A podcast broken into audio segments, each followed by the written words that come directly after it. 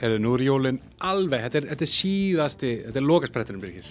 Já, það er bara að fara allir að fara svona senastu séns að köpa jólapakka og græja og gera. Herðu, ég mitt var í þeim er þetta gjörunir veiðflugum í dag. Það ekki? Þá var, hérna, komið tvírekt hangilæri Ú, og, hérna, Gretar stendur, hérna, sneiðir þetta niður. Það eru makitósmólar, alltaf besti bollin, jólastemming af þeim. Þannig að kíkjunni í veiðflugur og, hérna, fáið ykkur hangi getur Gretari. Alls ekki láta andra skera.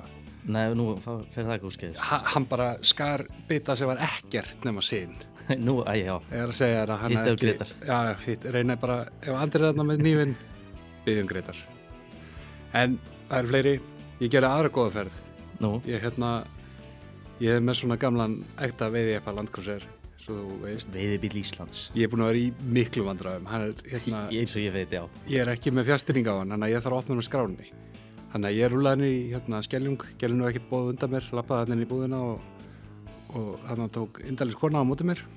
Og ég var nú ekkert eitthvað að taka hérna við erum í erum Nei, bara, bara, heyrðu, mér vantar eitthvað mér vantar lausn með þessu vandamáli.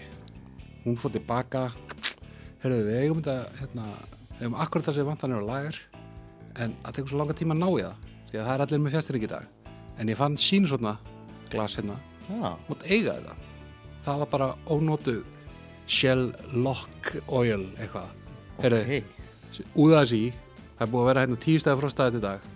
Ekkert við sér á mér. Til. Þetta er fallega gert að þeim. ég er ekkert búin að þurfa að vera hérna sjóða vatn og hellið bíli minn Nei, já, þannig á fjórum að anda í skróakatti, sko.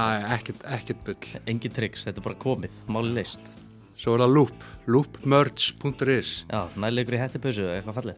já og ekki bakið á bakkan aftur í bóksið, í vassan Komiðu sér til skila. komið til skila eitthvað starf annar staðar en á bakkan það er ræðilegt að þurfa að fara á þetta. Og að lokum Viking það er áfengslösi Vikingin sem stendur með okkur í þessu. Já. ég var að geða mér á bóndarum aftur í þessari viku. Jú, jú, og ég held að Jóhannes hafi smakkað hann og bara mjög ánægð með hann. Já, Jóhannes er gestur okkar í vikunni Jóhannes Sturluson, hann var ánægð með bóndan við Rosa. vorum ánægð með hann. Já, bara rosa, sko. hann fór yfir með okkur bara allan fjandan það var sjálfsögðu vökturinn á, á ánum hann fyrir vestan í kringum eldið. Við fórum, jú, líka honni eldið það sem að þessar sleppingar og lagsarna sem fundist í mjólka og við fórum í lagafljótið. Finnst það mjög spennandi. það er Spennandi sexy topic, dæmi sko. Og hérna gaman að spjalla um það. Við fórum aðeins yfir hrun mörtustofnsins í Þingvallavatni. Já, snertum aðeins að því. Og hérna svo fórum við náttúrulega yfir kenningar hans Jóns Kristjánssonar vinnur okkar hérna sem kom með ofsetninguna Já, hann hefði þátt, já. allt aðra skoðun á því heldur en, heldur en Jón Já. og það er bara líflegt þegar að menn taka öndur að póla og hérna ef þið viljið veita meira en þetta þá endilega bara stick around Já, Jóhannes, gjör svo vel. Jóhannes, velkomin í Hillin Þakka fyrir. Herðið, þú ert búin að standa í ströngu sem við spjöllum síðan saman í, í flugkastinu. Það er ennþá sömu mál en, en svona bara baratan geysar um, um kvíeldið og, og, og allt það. En mér lóka að byrja á að ræða við þig mál sem búið í fréttum nýlega. Það er þingvallavatnið okkar sem þú nú fylgst vel með og það er hruna á mörtustofnunum. Já, það, það bárust fréttir af, af því að, að signingarstofnin væri hrunin, það er að segja hefbundin mæling sem fælst í því hjá Náttúrstofu Kópáðs að setja út un- net á, á, á signingarslóðum uh, skilaði nánast engu. Og uh, það hljómar illa, ég verði að viðkynna það. En uh, ég veit ekki hvort að það er heppilegt að nota orðið hrun strax því að nú hef ég ekki heyrt neitt frá þeim um að, að, að fyrir ári eða, eða fyrr að það hafi verið eitthvað síð og ógæðu hliðina með þessum hætti en þetta hljóma mjög illa en það þarf að fylgja þessu eftir að sjá, sjá hvað, hvað er þarna á ferðinni. Uh, maður skildur kannski líka mun eftir því að það er ekki alveg hægt að útluka að, að það hefur gerst áður og hún hreinlega kynþróskist aðeins minni. Getur verið að einhver hluti eða yngst, yngsti árgangurinn eða, eða slíkt sem, sem að teku þáttur ringningun eða, eða þróun hafi orðið þannig að, að það sé komið eitthvað niður fyrir þá riðla sem eru nota, nú veit ég ekki reyndar hvað, hvað eru með smáa riðla hvort en það gerðist hérna einu sinni á liðinu öll að menn vorum ákveðna riðla fyrir ringningar mörtuna og, og allt í hennu fegst ekki mörta og, og þá, þá var hún orðin smerri en það er eitt. Segjum að, að þetta, þetta lítur illa út og, og þá er það spurningin alltaf hvað veldur Er urriðin búin að geta mörtun út á gatinn? Urriðin er alltaf doldi grunnsanlegur og hann er, hann er auðvitað með, með þennan koft, þessar tennur og gapandi kjáft og tilbúin að geta mörtu hvað sem hann sér hana. Og náttúrulega alltaf samband randís og bráðar já, í náttúrunni. Já, og, og það breytist ekki með hann að þingvalla stendur undir nafni en en uh, ég vil nú ekki setja sökina á urriðan en, en vissulega kemur hann við sög, sögu þegar hann minkar þarna í stappanum af mörtunni, það er hann að gera það mm -hmm. en, en það eru uh, umhverfisbreytingar sem að hefur verið líst og það, það er einmitt út af vöktun náttúrustofu Kópós á, á, á hittafari og já, við getum sagt svifdýrum, eh, bæðið þörungum og, og eh, ja, semst, svifi, semst, þörungum og svifdýrum, þá hefur þá hafa þeir sapnað upplýsingum um þessa þætti og, og hýtast í eitt og sér búið að breytast afgerandi samkvæmt þeirra gögnum. Og það er svona eitt og sér vinnur gegn bleikju, hvort sem það er murta eða önnur afbríði og menn skildu hafa það sannalíð huga, sérstaklega með murtuna því að hún eru auðvitað uh, í hitaskiptalæginu allt sumari. Hitaskiptalægið auðvitað, já auðvitað segi ég, en það er ekki allir sem uh, þekkja hvað er hitaskiptalag, en það myndast á vorin í, í mæi, þingarlavatni og, og brotnar upp í september og það er sagt, fljótandi lag í yfirborðunum sem er miklu heitara heldur en allt annað uh, það sem neðar er. Það er kannski fallum þessuna tvær gráður og, bara örlittlu bíli þegar út komið niður á yfirleitt 15-20 eða ég var að segja 20-25 metra dýpi mm -hmm. og þarna uppi í þessum hitta er murtan miklu meira heldur en hinnar bleikinnar. Þetta er eitt sem að hefur áhrif og uh, þó að manni finnist að því að þetta er í tvennum skilningi svalasta vatn Íslands Já. Þetta er lindavatn með 90% af, af vatninu sem fellur til þess sem, sem er rennur kemur úr lindum, 5% úr dragánum og og um það byrjum 5% regningavatn að það er sagt, svona svalt og þetta, líka í hinum skilningnum er það svalt en málið er að það er þegar þetta er komið þetta ástand í svalasta vatni landsins og maður veit hvernig þetta er búið að ganga fyrir sig með aðra hluta landsins með bleikinu, hún hefur verið að berjast í bökkum og hérna það sem maður maður byrjaði ferilinn í, í bleikjuransóknum í, í borgarfyrði Já. í lok nýjunda ára tögarins á, öll að þá, þá, þá var mikið fjör þar og, og fallegu bleikistofn og mikil bleikjuveiði. Nú er það bara liðin tíð. Það er skýrtæmi en, mm en þarna eru við semst að sjá eitthvað hlut ef að gerast.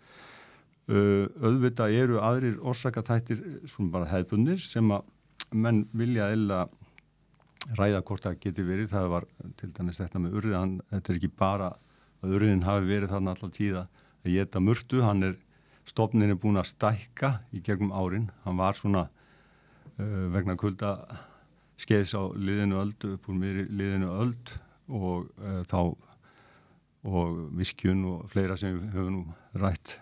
Mm -hmm. og hefur mikið verið rætt uh, þá, þá fækka hann svo mikið að hann talaði um hann í, í liðinni tíðorði þarna þegar leiða aldamótum. Síðan síðan færðist nú fjöri leikin og ímislegt sem kom við sögu á að við förum nánar út í það en mm -hmm. uh, laðist margt á sveimöðunum meðal hans þessi aukni híti sem að kannski skiptir mestu máli í ánum þar sem seiðin er allast upp mm -hmm.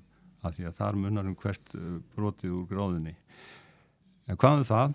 Uh, stóri parturum var samt að það fjölgaði í, í, í stofnum, stofninum og regningin óks og þar með nýluðinin og all, all, allt sem á eftir kom En uh, nú, jú, stækandi urðastofn, það er meira sem að hann þarf til sín af, af mörstu því það er aðalfæðan þegar hann orðin ákveði stór, hann er nú meira sem bara um leið og hann getur farið að, að breyða hana, þá er hann komin á stað, þannig að hann, hann er alla sína tíð nánast eftir að hann sleppi segast í, þá er þetta bara aðalfæðan. Og það er, það er þannig að, að, að þá hugsa menn, já, hvað, er, hvað eru við að sleppa þessum blessaða urriða þegar, Mm. þegar hann er bara að rústa mörtun okkar? Er þetta í lægi og, það, og það, ég sé menn verður aðeins að doka við þar af því að, af því að þessar sveiflur eru svona og svona. Við vitum ekki einu hvernig, hvernig yktustu sveiflunar eru þarna án, án þess að við séum nokta, nokkuð að skekja þar í þingardavatni en svo er kannski stórt atriði áður en það gleymist að urriðastofnina því að ég er sá sem hef fylst með honum það grant að ég veit hvað ég er að segja í því efni að hann náði hámarki 2020 Já. þannig að hann er á niðurleið og það er bara eðlilegt og, og það hefur reynda mjög gaman og, og skemmtilegt ferðalega að fara með honum í gegnum þessa uppsveiflu og, og nú er hann sem sagt komin niður á við eins og maður sér í hrigningar á, á, í fjölda hrigningarfiska til dæmis í Öksará sem er, við getum bara sagt að eins og er komið niður, niður um allavega helming með það sem mest var. En samt eru að tala um rosalega virðulega og flotta stofna. Og meiri segi Ölfusvarsá þarna í, í Öksaráni við erum að tala um meir en þúsund urða og mikið munur frá því að þeir voru í stekjartali Og náttúrulega þó að, þó að þessi prósenta hljómi svakaleg 50% þá, þá getur þetta alveg rúmast innan því sem getur talist náttúrulega sveifla og kannski þarf ekki að hafa áhyggjur á urriðanum nýja mörtunni svona til skamstíma.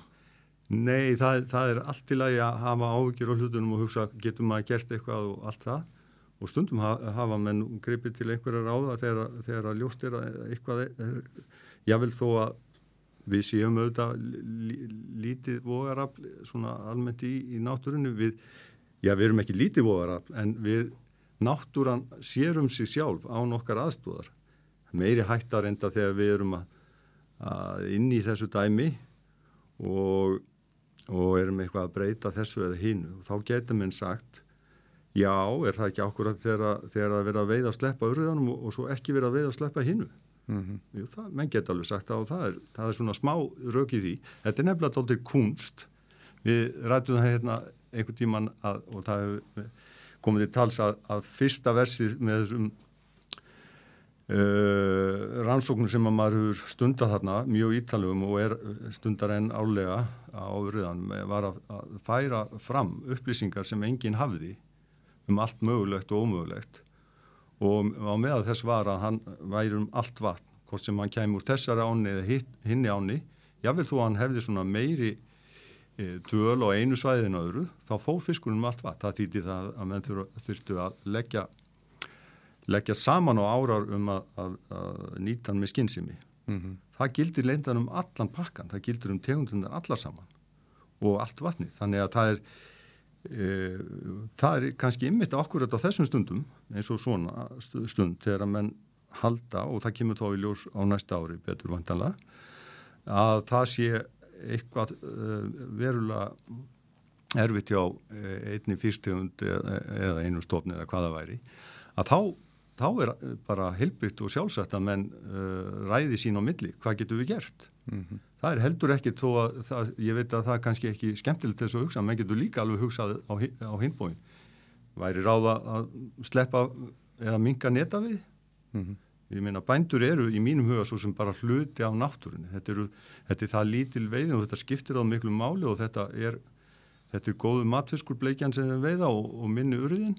Og stopnin þúsundu tonna eða börn?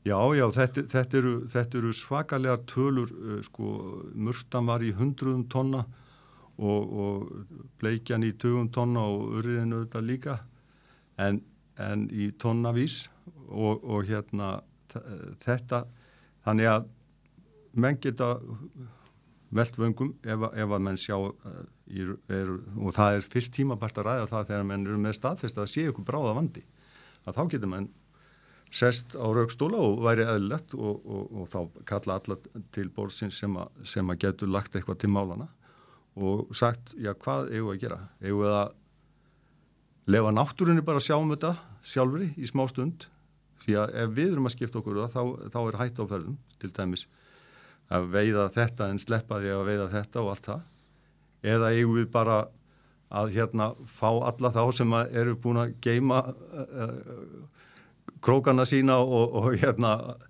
og græðuna fyrir urriðan inn í skáp allan tíman, magrílin að bara fá til þess að sljáka þessi í þeimstofni. Það er ekki reyndar útgáðan sem að ég sé fyrir mér en, en um að gera ræða málun og komast að einhverju vitranu en ef að mennur eitthvað hrætti við að eitthvað sé að gerast þá er affarsrælast að leifa náttúrunni að rúna það út í friði. Og þetta samband oft kannski flókið verður kynþróska gamall auðvelt að svona kannski veiðan og, og hafa áhrifa með veiði murtan þú veist, er það villis að bleikjan hefur náttúrulega þessa, þessa hvað maður segja tendensi að, að þegar að harnar í árið þá verður hún kynþróska minni og, og breytir sér og, og laða segja því? Jú, jú og, og það er, ef þetta er til lengri tíma með mörstun og þá, þá er þið nú uh, myndi maður nú halda að það kemur nú eitthvað minni fiskar til likninga líka í, í röðum öru Já, og röðum öru, þannig að það er svona myndi, uh, þetta er svona samspil sem að þetta er svona eitthvað sem náttúrann uh, er búin að finna út hvernig á að vera og, og ef að, ef að mennur ekki alveg vissir í sinni sög hvað eru að gera, þá, þá er allavega ráðið að, að draga sér bara í skamma stund í hljé, til, til, til hljés og koma svo bara aftur til leiks. Og það, það var, þá er ég að tala um að að menn myndu láta, láta af veiðum á, á bleikju ef að mennur nú reyndar ekki alveg eins harðir á því að hinnir bleikjustofnarnir séu eins mm. slæmir eins og uh, sko í slæmu ástandi eins og mörstustofnin við sem fáir að veiða dvergbleikjuna. En, en hérna það er með, með hérna sníglafleikjuna eða gungableikjuna eftir hvað maður vilja að kalla hana að, að, að hún er nú kannski ekki eins slæmustandi en menn vissulega heyrim að, að því að nú er ég ekki með fingurinn á bleikjunni ekki einu svona eins mikið á veiðimenn eða tala ekki um netabændur og slíkt en menn tala um það og hún sé í verðarstandi og þá, þá myndi ég halda að það geti verið eðlert og það hljómar líklegt því að það eru þetta þarna stóru leikandurnir eins og hítasti og næringar, koma næringar aðviðin inn og annað. En við megum ekki gleyma að það eru sko ástíða, ekki ástíðabundnar bara heldur ára breyði að aðstæðum og einhverjir muna nú eftir lélegasta sumri sko í veðufari hérna sólarlega mm -hmm. langa hríði sem var núna. Og það auðvitað bara rústaði öllu, öllu, öllum svifþurungu í þessu vatni og þar með dýrasvifi og öllu sem var fórsendan fyrir því að, og... já, að þannig að menn þetta þessuna verður við að staldra við. Gott að, veist, menn, menn eru bara klárir alltaf í umræðina og það er fínt. Og það verður til þess á næsta ári þegar, þegar allt fer á stað með hækandi sól að þá eru menn á útkiki hvernig mm. er staðan og þar á meðal þeir aðila sem eiga að standa í rannsóknum og annars líkt. Náttúrulega við þreytist ekki á að segja þetta í þessar umræðu við eigum til helvítið svo oft var það góðum ásetningi þessu hjá okkur en, en það er auðvitað flóknara líka samingi í svona vatn eins og þingallavatti varandi þú talar um sólaljós, við talum um hérna, fráreynsli Eh, hitastig þá aftur hérna hversu tært vatnið er, hversu látt sólaljósi kemst og þetta, þetta er flóknar en svo það skiptir til máli hvort að örriðatni séu 500 eða 1000 eða 2000 kannski sem að signa í þingallatni Já, það, það er stundum tannig að, að, að uh, það sem að ræður er svo miklu miklu uh, sko, uh, áhrifa meira heldur en það sem maður er kannski að hugsa um.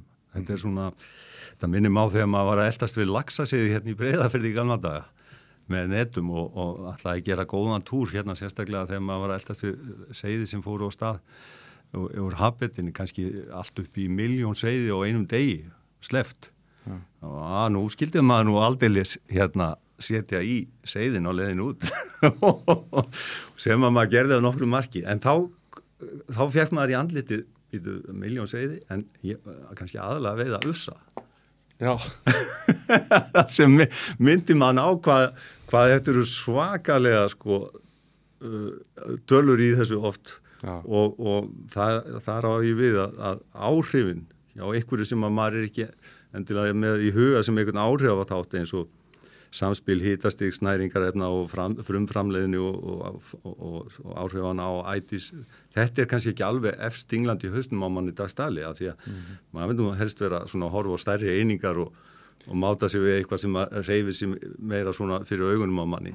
Það eru auðvitað að tala um urriðan og það eru auðvitað að tala um skarfin og fiskjöndina og allt já, þetta, já, já, það, það er nú málið. Þannig, Já, það verður gaman að fylgjast með og, og, og sjá hvort þeir ná að fá endurteknu niðurstöðu á þessar rannsókn sínar á næsta ári, sem vonum bara ekki. já, við vonum, vonum sannlega ekki en það kemur allavega botn í máli og það er það sem þarf En svona jákvæðri hlutum, þar sem að þú hefur verið að vakta og sagðir okkur reyndar vil ég segja eitt sem svo að menn munið að því ég var að tala um uh, urriðan út um allt vatn Mhm. að þessi uh, frum aðtöfum mín og atfelli bleikunar í Tingardavatni sem ég fór í 2018 hún síndi það að murtan sem að, uh, maður tók í, og verti bara út við sandi hún fór um allt vatn Já. líka, svo menn skildu hafa það í huga þegar menn- eru að hugsa um áhrifin. Þetta er bara, það er alltaf allt vatni undir, maður er alltaf að býða eftir að, já, þetta, þessi er bara þarna og svo framvegis. Þó við sleppum í þjóðgarunum og íón, þá kannski er, Já, og murtan er þá á ferðinu og jétin um allt vatni eða verður fyrir áhrifum um allt vatn og ég er stoltur af því því að það, það, var, það var, ég var bara svo lang þreyttur á því að get ekki náð ykkur í hús, þetta var nú gert bara af vanefnum því að það var ekkit, uh, það var ekki svona styrkjalega neitt en, en eh, vera með alla þessar stöðvar úti sem ég er með fyrir urðan og er enn um, til þess að skráferðir, það er nú áttunda árið núna sem ég er að skráferðir hans allt árið um kring. Það, það er þetta. Og þar á meðal urriða sem að láti ekki degan síðan, svo ég bara klári þess að þingvalla var sumraði okkar á því að í sumar þá sá ég til dæmis eh, að þar var á ferðinni frægur urriði sem þegar maður segir frægur þá er þetta nú svona alltaf heima tilbúin fræð en það er sama. Já, hann, er, hann hefur verið í kassarum hjá þér í Já, urriðagöngunni. ég, sko, ég, ég mert hann í Ölfusvarsáni hérna 2015 Já, með rafenda fiskmerki af, af gerði hljóðsendimerkja sem að senda út upplýsingar hér er ég og dýpið á mér er þetta og hittin er þetta hjá mér og, og, og þegar þeir eru í sviði það sem að er, sko, það er skráð landfræðilega því að þeim er aða út á ákveðin hátt skráningastöðum þá koma þær upplýsingar. Og, og sáfiskur hann var búin að vera tæp tvö ára að senda út upplýsingar um eiginferðir það var hregna sem var nú reyndar uh, yfir 70 cm þá. Og, og það sem gerist er það að, að svo uh, veiðir veiðimaður hana uh, þarna í júli 2017 ég losa merkið af. Svo var nú reyndar ekkit langt uh, lungu síðar að það var nú annað veiðimaður sem slæmir í hann ef mann rétt. En, en aftur fór hún út í svo heyri ég nú ekkit af henni þarna uh, fyrir en uh, Jú, uh, 2017 held ég frekar en 18 þá hitti ég hana á riðunum aftur í Ölfusvasa og, og þá, nei 2017 vandalega og seti ég hana slöngumerki bara, eða sko annað aukað, þetta er alltaf að vaksa úr þannig að ég var búin að setja eftir ég tók rafndumerki. Svo 2019 þá hitti ég hana aftur í Ölfusvasáni og þá ég segi það verður bara að bæta á hana öðru rafndumerki, þetta gengur ekki, það geti orðið skemmtileg serið. Þannig að þið sjáu og, og það var ennþá að senda núna 2019, 20, 21 og það eru sumar ennþá tikkandi. Þannig að við erum að tala um fyrir hvernig, hvernig þetta getur nú verið. En ég ætla nú ekki að gera út af við, við þetta spjall okkar hérna. Nei, þetta er allt saman mjög áhugavert, Jóhannes, þert á móti. En já, þetta auðvitað eldir urriðin murtuna og bara samband randís og bráðar. Já, já, já, já, sannarlega. Og, og, gaman, að, gaman að sjá það í rauninni líka að þegar hann stingur svo niður ákveðnum tíma þegar hún er að fara svona í vetusvöldu stetningar þá er hann allt í nú komið niður á 60-70 metra fyrir að fá sér bita. Já, magna. Þetta er magnaða skefnur og, og, og kannski mitt sláum út af því að það er kannski fleiri þættir í svona stóru stóra saminginu sem geta haft áhrif á þessa stofna. Sannarlega, þetta er, þetta er fjöldætt. Heyrðu, lagarflutt. Þú sagðir okkur aðeins frá því hérna í flugukastunum árið að þú erir að sleppa það segðum og, og fylgjast með endurkomu og svona. Jú, jú. Hvað er að frétta því? Ég sá okkur á myndaði með eitthvað óulegan drega og Já, já, maður er bara orðin eins og alvöru veiðmaður. Já, farin að Með taka svona af að hérna. stóran og svona, alveg öll trikkin. Það, það er bara allur bakki, maður er svíst einskis. Nei, nei, nei, Þannig að, það er ekki nóg að sé stóra. nei, nei, nei, nei, þú veist, og, og þegar maður er að handleikja langur þá er þetta býr maður að því. Já, já, maður gera það. Já, þegar þú ert stór líka, þá getur ekki haldið honum. Nei, en það er þér. vesinn þegar maður er svona hlemmi stóri eins og maður er, að það, upp. Mhm. En, en þe- þessi var nú bara upp á, tíundapart úr, úr sentimetra, sko 101 centimetra lengt og þannig og, og hlungur eftir því en, en, en, en máli var að ég var nú reyndar ekki með vógin að þarna þegar það var nú að veiða þarna eins og kom fram í umfjöldun um þetta í, í klag mm -hmm. fyrir neðan lagafós þannig sem virkjunin er og hérna og uh, síðan fer hann með, með sínum, sínum hérna konum eða regnum í, í hérna í klagið í, í segðaldistöðuna sem hann var kristur í höst ítrykkað og síðan ætlaði ég að hitta félagann til þess að taka almenna mælingu. En ég uh, verður nú að segja sko þó að ég ætla ekki alveg að segja kannski skilu við hennar drega að, að, að hann let lífið þar áður í náðu fundum hans. Já en hann var nú settir í ég, ég, en, en svona með þær upplýsingar sem ég hef uh, sko þetta lengdin og, og það hann var svo sem búin að leggja af þarna í þessu að þá, þá getur hann ekki verið minna heldur en svona ég myndi segja 23-4 pund svona bara upp á 500 gramma pundin okkar Já. það er kannski næri lægi en við sjáum hvað setur en, en, en málið er að já hann er, hann er svona takkjörfingur eh, fiskræktarinn að þarna kannski skulum við segja, við skulum mm -hmm. nota þá orð því að þetta er líklega stærsti e, fisku sem að hefur endur heimst svo sanna sér, það er nú bara þannig það, að því að hann var örmmertur og allan pakkan mm -hmm. úr fiskrækt Já. það er nú bara þannig og ég hef nú handlengið á nokkra úr, úr svona annars konar fiskrækt eins og í hafbetin í gamla dag mm -hmm. og, og slíkt Hvað er í rauninni markmiði með þessum verkefnaðin í lagaflitunum? Markmiði uh, var það og uh, að rannsaka sagt, væri hægt með fiskrækt að, að uh, fá, fá lags til að ganga í, í hliðarátnar ofan við lagafoss og hrigna þar. Það eru náttúrulega fjölmarkar og, og fallega sumar, ég hef nú veitt þarna í allavega þreymur aðeim og, en á þess að vita að þær virka kaldar og Já, já, svona... þetta, þetta er svona allt á mörgunum en þetta, þetta gengur. Til þess að fá skotveldan neðustuðu þá völdum við eina hlýja og vorum með sleppitjötni henni til að flýta málum með að, að vera að býða lengur eftir neðustuðum og fá mm -hmm. lagari neðustuður með að sleppa smásegum. Þannig að við, að, ég fer þarna á stúana strax 2014, aflag klakk fisks og til að byrja með þá þurftu að uh, nýta líka klakfisk úr og jöklu því að það var það lítið að hafa hinnum megin og, og en þeir, þessar árenna til sam, saman til sjávar í samveilum ósi. Þannig að það var bara mjög hugulegt og veiðifélagið, veiðifélag lagafljóts og landsfiskjun komið þarna málum. Uh, þetta var uh, veiðifélagið vildi eðlega að leita væri leiða til þess að bæta fyrir þá þann skada, þann mikla skada, við skulum bara segja það eins og er, sem að fljóstartsvirkjun eða sem sagt eh, allt, allt trallið, allt frá Káranhjúka dæminu og þessi virkjun sem fljóstartsvirkjun sem að fylgir á endanum uh, færði yfir í lagaflót. Það er að segja jökulvatnu og jöklu leitti yfir og, og uh, rýni vassins, smátýra, uh, þörunga vistin, smátýra lífið, fuggla lífið, fiskalífið eða líffiska og fuggla þetta, þetta dalaði allt saman Já, vel ríflega það svona... Já, dalaði það bara, já, hundi getur við sagt og, uh, og þá er þetta bara eðlegt og sjálfsagt að, að aðeila sem að nýta öllundina skili e, því tilbaka sem hægt er að skilja tilbaka. Mm. Það var ekki hægt að fara bara og og rækta hægin þannig að fisk, fiskilega séð bara á staðnum. Það, mm -hmm. aðstæður bara voru ekki þannig. Og þá var þetta bara næsta vers. Hvað, hvað er hægt að gera hana? Jú, það eru fiskar sem gangur til sjávar. Við höfum ekki enþá komist upp á lægi að beita sjóbyrtingi eða sjóbleiki uh, til hafs með neinum árangri. Mm -hmm. þannig að þeir fiskar voru út, út úr kortinu. Þá var lagsin eftir.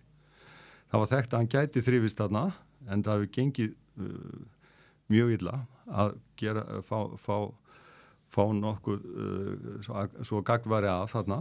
En, en, en menn voru samálaðið um það, nú skildi bara gera tilrun sem að væri margtæk og ég sagði bara strax að margtæki þessu gerfi það þýðir að það er að vera ansi viða mikið rannsókn í fjöldatalið. Svo við bara, uh, það var ákveðið. Og eins og ég segi árlega frá 2014 og ég var nú að veiða síðasti klaki höst þá er búið að standa í þessu. Og þetta tekur alls einn tíma, fyrsta slepping 2016 og, og þá var keirt á það að fá bændur í lið með sér að veiði nett uh, 2016, 17, 18 og 19 til að fá niðurstöðuna því að það er, það er, það er ekki hægt að vegna þess faratálma sem laga fór sér þá, þá er ekki hægt að fá botni í hlutina bara með hefbundinni aðferð að býða bara í árósnum og telja lagsinu upp hann var ekki víst hvernig hún gengi að komast upp eða kort og allt þetta. Og það sem kom út úr því var að, að þarna bara það komu uh, sagt, tveir á þessum fjórum árum tveir heilir árgangar sleppingin uh, 16 og 17 skiluðu sér. Og niðurstaðan var svo að uh, þetta var í jafngóðar, þetta voru jafngóðar endurhendur eins og best hafi gerst á þessum landsluta í setni tíð, semst á þessar öld í öðrum ám. Og þá er ég að tala um jöklu. Þar eru nú einu gögnin þau sem að ég hef aflað með örmerkingum í öndvörðu hérna í den fyrir á þessar öld í samstarfið þröst. Og mm -hmm. ég fekk styrki frá fiskrættusjóðu annað í það. Og í ámeins og breytasá sem að það sem ég var líka í samstarfið hann og í lagsóðinnesjum og hvað þú vilt. Þetta eru einu gögnin sem eru til. Og bestu, og þá er ég bara að tala um bestu endurhindunar í þessum ám ekki eitthvað meðaltal, heldur bestu. Þetta var til japs á við bestu niðurstöðunar úr þeim á. Svo það var nú ekki verið en það. Og, og með það og þegar við erum að tala um það að þá eru þau líka muna að bestu endurendur á þessu landsvæði hvort sem að það er náttúrulegt eða úr fiskrætt sem er alltaf liðlega heldur en náttúran það er fjórfall lagara heldur en hérna á hodninu sem við erum núna mm. það er bara býttin sem eru út af hafinu sem býður hérna fyrir utan allt annað önnu skiliði og það segir sér sjálft að það er erfiður að stunda fiskrætt á svoleiði stað. En er hérna þessi stíi sem er að það, hann, er hann ílfærið að finnur lagsin hann ekki eða hvernig? Já, það er, það er ákvörðat bara rétta framhaldið af þessu sem við vorum að tala um á þann. Þegar að þessu, þarna er komið 2019, þá, þá sjáum við að nú er eina viti, nú erum við búin að fá svari við þessari spurningu Hann fer út og, og kemur tilbaka? Já, og við erum, að fá það ansi vel og gerum þetta mjög vel. Við tökum ekki bara örmerkin, sko, við tökum líka hreistur og við lesum og þá getum séða ef hann fer árið setna út en kemur samt tilbaka. Við vitum alveg hvað er að gerast. Mm. Fáum afturbata hóplags með þessu kerfið, þetta er aldrei gott. Já. En þá er komið að því, já, vitum þetta, næsta vers á dagská, þessi fiskuður það er ljóst að, hann, að menn hafa talið að hann væri eh, ekki að virka. En menn hafðu aldrei neina sönnum fyrir því. Því menn vissu aldrei hverju þau eru áttu vonu á eða hvort það var eitthvað að gangi yfir leitt eða hvernig þetta var samanskrúað Það er auðvitað að týna hundra lögsum í lagafleti Já, en þegar, að, þegar að við vissum uh, alveg hvað var að, að fara frá okkur mm -hmm. og við vorum búinir að fá staðfestingu á því þarna 16, 17, 18 og 19 að hvernig þetta gekk fyrir sig að hann væri að skila svo að hafi þá vissum við líka að nú er komið tíma á það að fá, getur nú bara tökum við netinu upp. Og þá ætti eitthvað svipað að skila sér upp stíðan ef hann er að virka. Mm -hmm.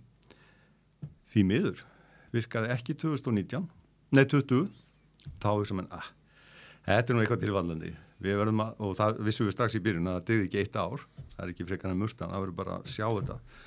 Og þá 20, 20 21, 22 öll árin ekki að virka. Það virkaði að ákveðnu leiti, þetta voru, þetta voru upp í, uh, uh, sko, komist einhver tíma nær hundraðinu heldur en hitt sem fóru upp, mm -hmm.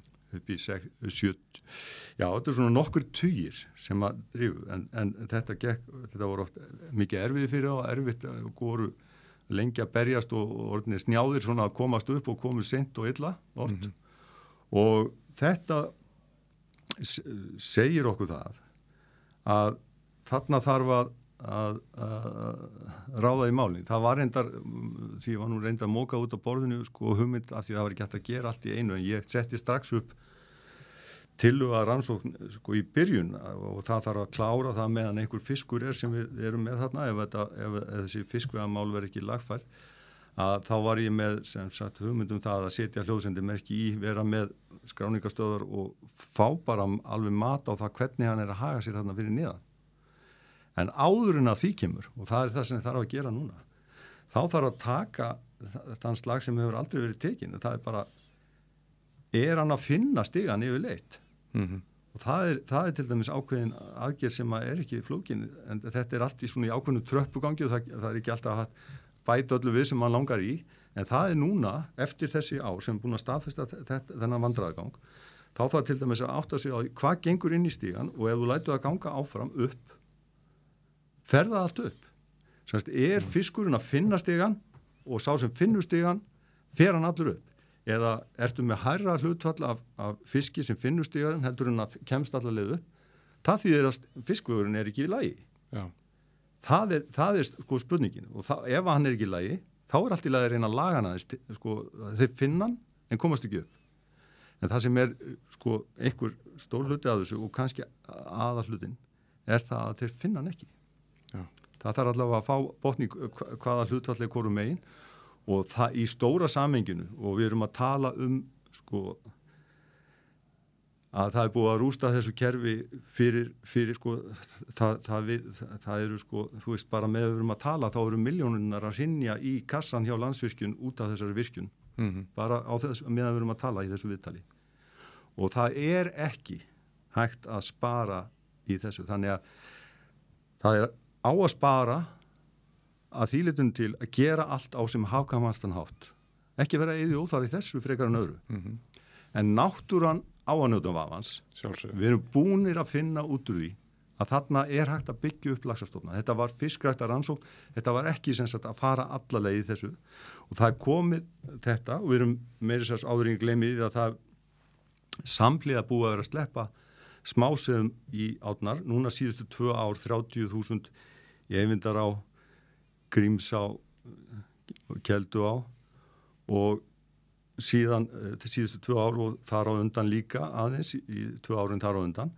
Þannig að núna fara þeir þá í staðin fyrir að það væri bara á leiðinni í þar sem sleppitjörnum var og annað til að svara einhvern spurningum og svo framvegs þá eru þeir að fara á, le, á leið til síns heima. Mm. og, og eins og ég segi nú það bara að vinni í þessu áfram. Það þarf að, að það, það myndi e, e, ekki vera neitt e, tiltökum mál ef að það er það sem þarf. Eða kemur í ljós að þessi fiskuður eru ja, lélugur eins og menn grunar að þá þarf bara að finna hjáliður einu svo að, að ódýrasta leiðin er að byrja á að taka sprengin í klöppina smá hjálið sem kemur nær fossinum út mm. en endar samt ofalega í samastíga með alla stýringun og allt klárt svo er dýrari leið sem er kannski ekkit svo dýr. Það er að fara alveg í söðubotnin fyrir sunnan flúðurna það sem rennur þegar það er yfirfall við hliðin á eskjunni og taka, taka hérna uh, uh, stupp úr lagafljóti sem rennur þá undir í ræsi undir veg sem þar er og kemur fram þar. Og, og þetta myndi uh, hugsanlega bara leysa vandan, það veit aldrei en, en varðandi þetta sem er í bóði þarna að þá eða varðandi náttúruna sem að sem að hérna er í húfi, það er að segja að þessi, þessi þetta er ekki beint endurheimt lífrikisin sem var en þetta er endurheimt þetta er, þetta er e, það, jú, að vissuleiti það var lagsatna en, en þetta er svona umbætur til, a, til að vega upp á móti því sem hvarf mm -hmm. og í því í sambandi þá, þá er það bara sjálfsagt að fara allar leið. Og uh, þetta eru þegar ég var að tala um marktækni og annað hvað þetta var í stór rannsók þetta er stærsta uh, sagt, uh, hvað var þar merkingar á svona rannsók sem byggir á merkingum og fá botni hlutina. Þar að því að er, þetta er það erfitt kerfi og allt það þá er þetta stærsta merkingar uh, fiskræktar, eða semst merkingar tilröðin í fiskrækt í Evrópu sem hefur verið framkvæmt það er að segja að það eru komin þarna út 280.000 mert segði Það er ekki smó fjöldi. Já, og maður er svona, þú veist, maður hefur nú eins og ég segi, það er nú ég held ég sé komin allavega í 2 miljónir sem ég hef mert, þannig að þetta er bara orðin ágættis partur af því eh, sem sagt, þessi, þessi stubur þarna. og það þarf ekki að merkja til, til uh, dánar dægus eða til eiliðar uh, það er, uh, nú er búið að svara þessum göngusegjum voru nótu til að svara fyrstu spurningunni, nú er að á næstu árum að byrja að koma í hús þessar niðurstöður sem var það smásiðin og það er mikilvægt að, að, að, að það skilir sér allt. Ég er, get ekki verið annað en tóldi rokkin með mig. Já, þetta er hljóma spennandi. Já, að því að þetta er og þetta er líka það, það er ekkit alltaf þegar það gengi fram með þeim hætti sem er þarna. Þetta er þetta í góðum hugvarandi það að skapa uh, peninga og aðdunu og eitthvað svona sem er fráðist í þessar framkvæmdir. Þetta er á kostna náttúrunar sko mm. bara að hafa það á reynu og það er ekkit alltaf hægt að bæta fyrir miskjörðunar sem eru að eiga sér stað á þeim vettvangi. Ekki að sléttu allavega. Nei og þarna er þetta alveg magnaða tækifæri og það er bara í mínu bóði í mín, að mínum mati þá er bara ekki bóði annað en að bara klára dæmir Það vantar vantar hérna þennan fiskveik til þess að ná að loka hringnum. Þannig raunin að gera það að verku með þessi peningar sem þó hafa verið settir í þetta skilir sér á endanum í því að, að lagsin komist heim til sín og hrigni Já og, og sko það, það sem fór upp fyrir það var staðfest strax 2018 að, að þeir hrigna þarna með árangri og allt það. Þannig að það er og hýtafarið segir manni að þú að séu árabriðið í þessum ám að því að suma standardóldi tæft að hvernig, hvernig, hversu, mér skulum segja, hversu, hversum vel gengur að sjóþróskatt, þá gengur það. Mm -hmm. Og eins og við þekkjum bara úr vestutars á að þá, þá, þá gætt sjóþróski streyist sum árin ef þú voru kvöld og þá fóruðu sent út og komuðu smerri og meira sem stólags. En það er líka eitt í þessu sem er aldrei fyrir veiðimenn að þarna eru við með það sem eru meira norð, norðanvert á landinu, stólags en hvað skildið hafi verið, hlutfallið? Það var meir en helmingur. Já. og við erum að tala um það að þarna voru að veiðast sko, þessi tvö ár það sem var eitthvað veiði sem maður getur ráðið í að því að það, uh, þó að þeir það næði ekki öllum lagsi, þetta voru hátt í 300 lagsar og, og þetta, frá mér sko á 300 örmestir mm -hmm. og það var nú einhverju tilbúinir sko á betri landsfæðum sem að henda betur og betri ám sko að, að, að fá einhverja 300 lagsa hérna fyrir ákveði. Þannig að í erfiðasta vatnakerfi landsins, segja það bara eins og er, þetta er erfiðasta vatnakerfi landsins og þótt við að væri leitað.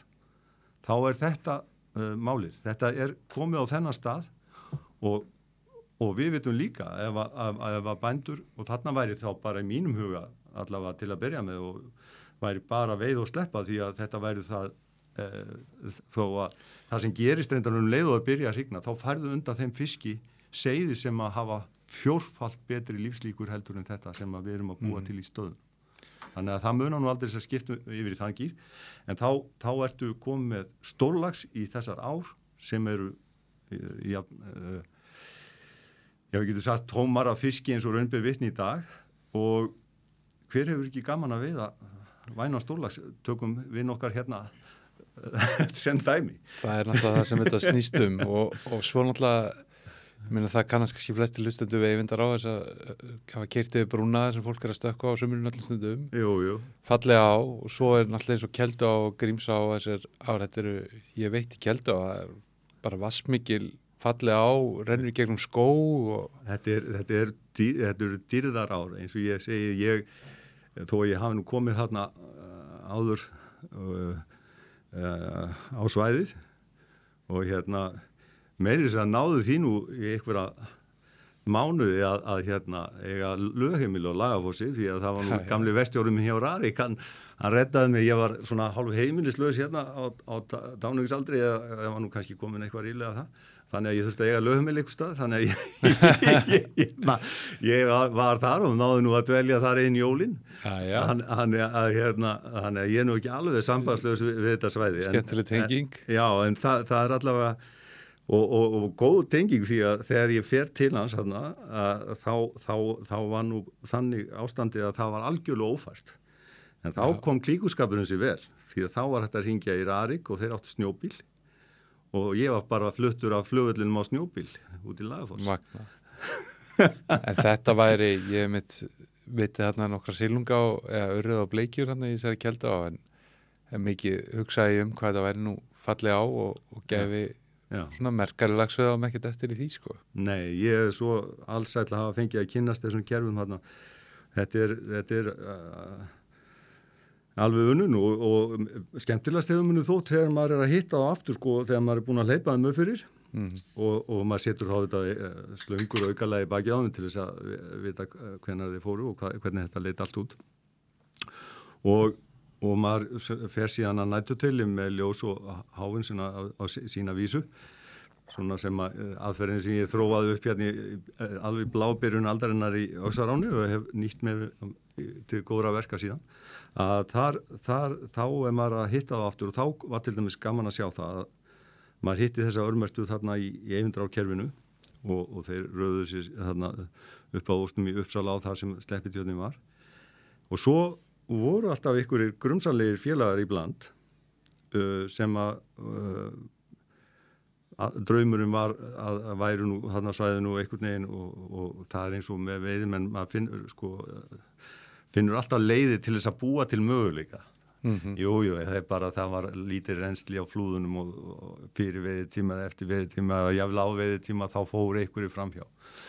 Þeir fóru allavega ekki í eyvindrána, ég fann ekki sem sagt okklifta þar en, en svo var ég að finna í, í hérna, jú kannski, kannski einn. En svo fann ég í rángáni eh, sem að voru þá úr þessum eh, döla fyllir í pakka þarna sem komu ekki úr sleppingunum. Mm. og þá hugsaðum við að líka býtu, getur ekki verið að, að, hérna, að sé nú eitthvað af þessu bara frá þeim hérna jöklumegin? Þetta er sama vatnið og, og það var alveg eðlilegt að hugsa á þeim nótum því að sko talandum möguleika á rannsóknum á, á þessu, það, þá er þarna í heiminum að lítur á heimsvísu. Þú ert með tvær ár það er sama vatni, það er búið að flytja vatn úr annar yfir í hérna og á stórum köplum það sem að þegar að, þegar að, þegar að vatni er, er, er, er semst, þegar að yfirfall eh, svona eins og er nú megnið árinu þó að það sé nú sem betur fyrir ekki við veiðtíman nema rétt í bláendana skellur í andliti á veiðmönnum að þá eru þessi seiði, ufagsund seiði og allt þetta sem er að, að, að þekkja þarna umhverju sitt uh, með sama vatn og seiðin hinnum einn. Þannig að þetta geti þá kannski svara spurningun, er það lyktinn eða, eða vaskæðin? Já, ég minna þarna, já, þarna, ég sko, vantarlega af því að þetta er nú tvílitt nefa á þessum dýrum að þá, þá þekkjaði nú uh, bæði lyktina af ánni einhverju leiti en svo þetta feromónin, alveg klálega mm -hmm. en nú er þetta hluta til sami fiskunum líka að flækir þetta ennmeil og hérna en allavega þá, þá, þá er það er þá bara eðlur ángi af þessu en af því að þetta er ekkit venjulegt eh, sem að þessir fiskar eru að mæta þarna þetta, þessi, þessi sorti sem að mhm. færður hérna yfir í lagafljótið og sem er þegar að yfirfallið er í öklu hann er því líkur að það liggur við sko að þeir þurfa að styðja sig með eirikunum þarna upp með bökkunum því þeir sjáu þetta ekkert Nei. og lyktinn og nefið þetta eru þetta bara grundallar atriði en mað, sko það er ekki skrítið að vera eitthvað aðeins ráðviltir þegar að kannski eh, og við þekkjum það að það er þó að sé bara eðlar ár þá faraður ofta aðeins upp í bara ósanat þeir eru ekki mm. alveg alltaf alveg með á hreinu eða kannski bara einhverju stuðu til að aðeins að að slást í félagskap en gott og vel allavega þeir, þeir eru, við þekkjum það að þeir eiga til að fara kílómetrum saman upp í ár þar sem þeir hafa verið mertir, lagsar og svo koma þeir heim til sín mm. hafa átt að segja að byrju ég er ekki heima. Ég, ég þarf að hérna, koma mér á réttan stað því ég get ekki verið að hrigna hérna anskotin hafið það. Já, það er eins og sögur um, um fiskamerta í grímsá sem við að svo í þverá eða já, já. Og, og þarna var reyndar einn af þessum sem ég merti þarna fyrir ofan. Uh, hann uh, veit ég síðan í ósnum í Foss á Jöklumvein. Já. Já. Það um hausti þegar var komið fram að harða hrigningu. Þannig að þetta er, það er svona ákveðis samspil þarna. En, en þeir eru þeir eru alveg magnaðir í, þetta eru sko, það er erfiðustu aðstæður sem að maður hefur augun litið og samt eins og vanalega ekkert en það, það er yndar eitt, eitt foröfnilegt að, að þeir eru uh, þessir, alveg bara eins og maður þekkir úr öðrum rannsóknum sem maður hefur framkvæmt, þeir, þeir fara upp í ósa á leðinni og hvaða ósa skildu þeir sem kom úr jökulvatni fara í? Jú, auðvitað ósa jökulvatna. Mm -hmm og maður að leiði þá hugan að hvað byrjar þetta jökulvatna upp á hálendi? Er það nokkuð að tengjast það sem að byrjuninu á hinnu það nú reyndar ekki alveg þannig í þessu tilfelli en ég get nefnt dæmi.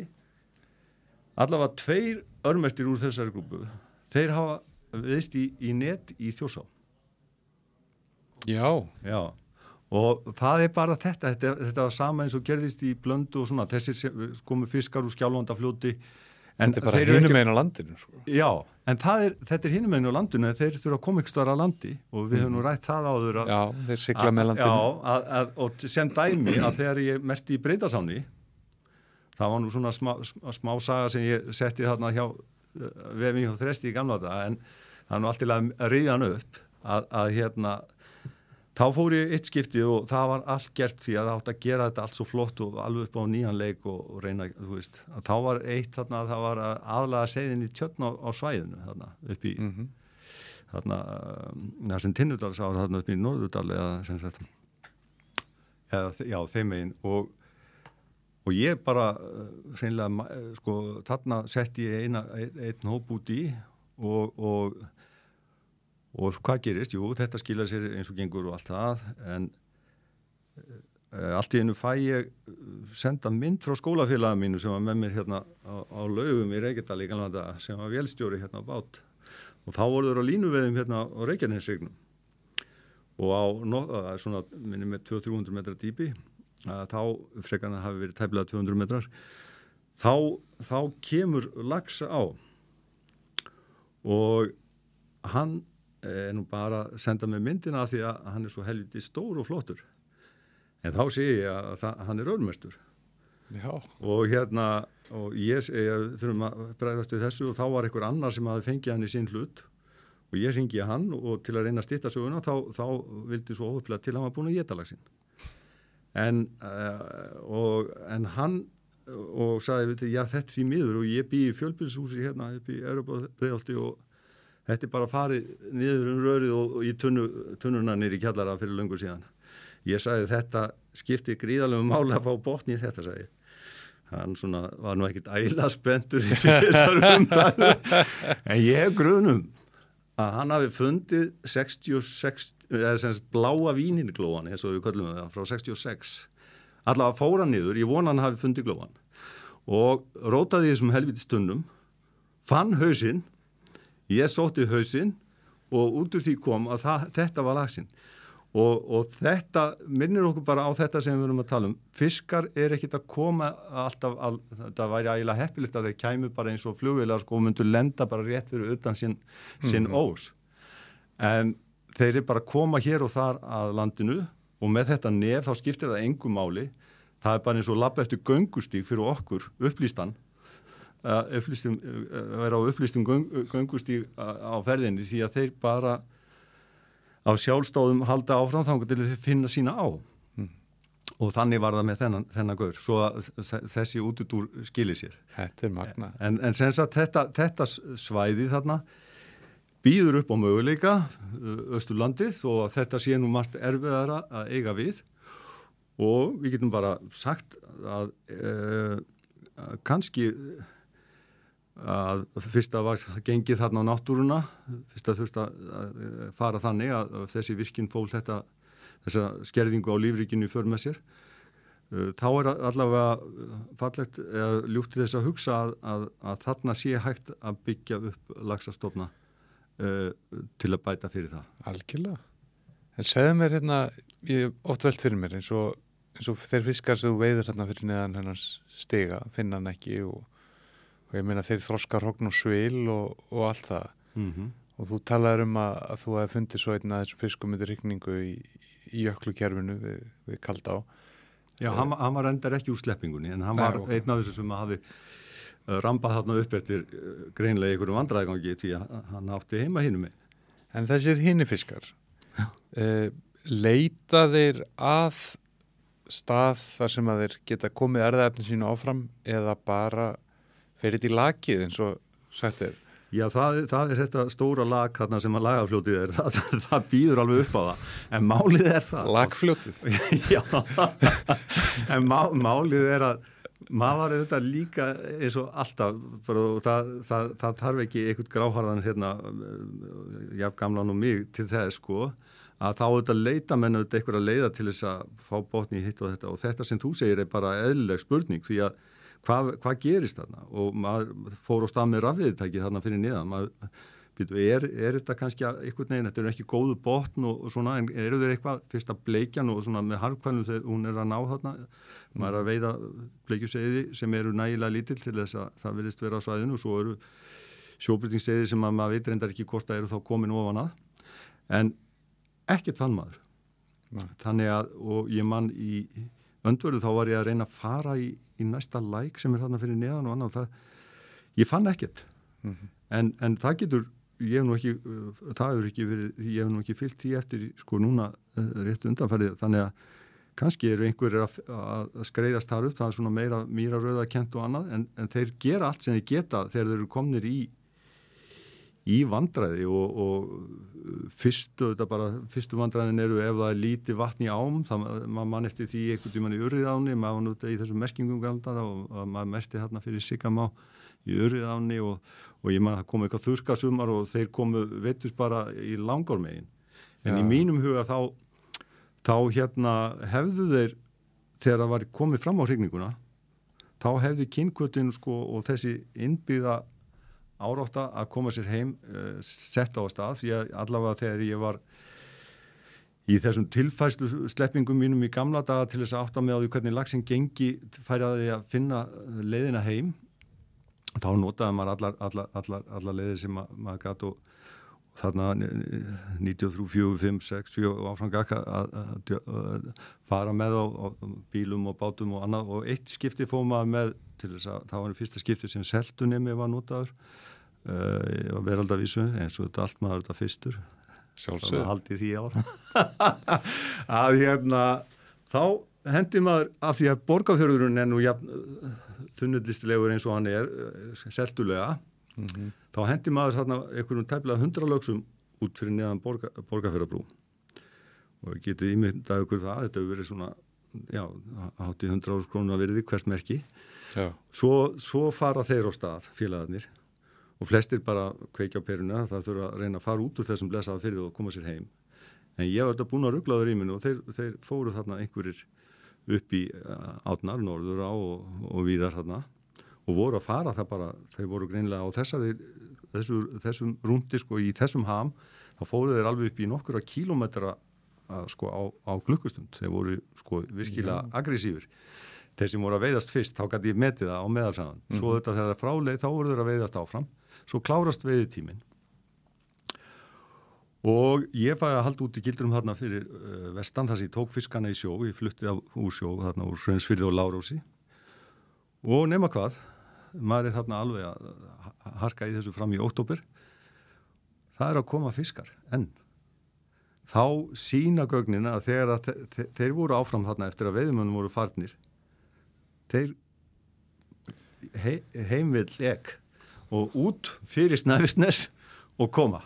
Það er magna. Já, þannig að það, það er alls konar hlutir í þessu sem að um, maður skilur ekki til lítar en, en maður svona fær alltaf smá meiri botni í hlutina og minnst hvort ég sér hversu, hversu ótrúlega segir og alvegðunar hæfnin endalus og, og viljin þannig að, að það, það, er, það er nú þannig en, en ég allavega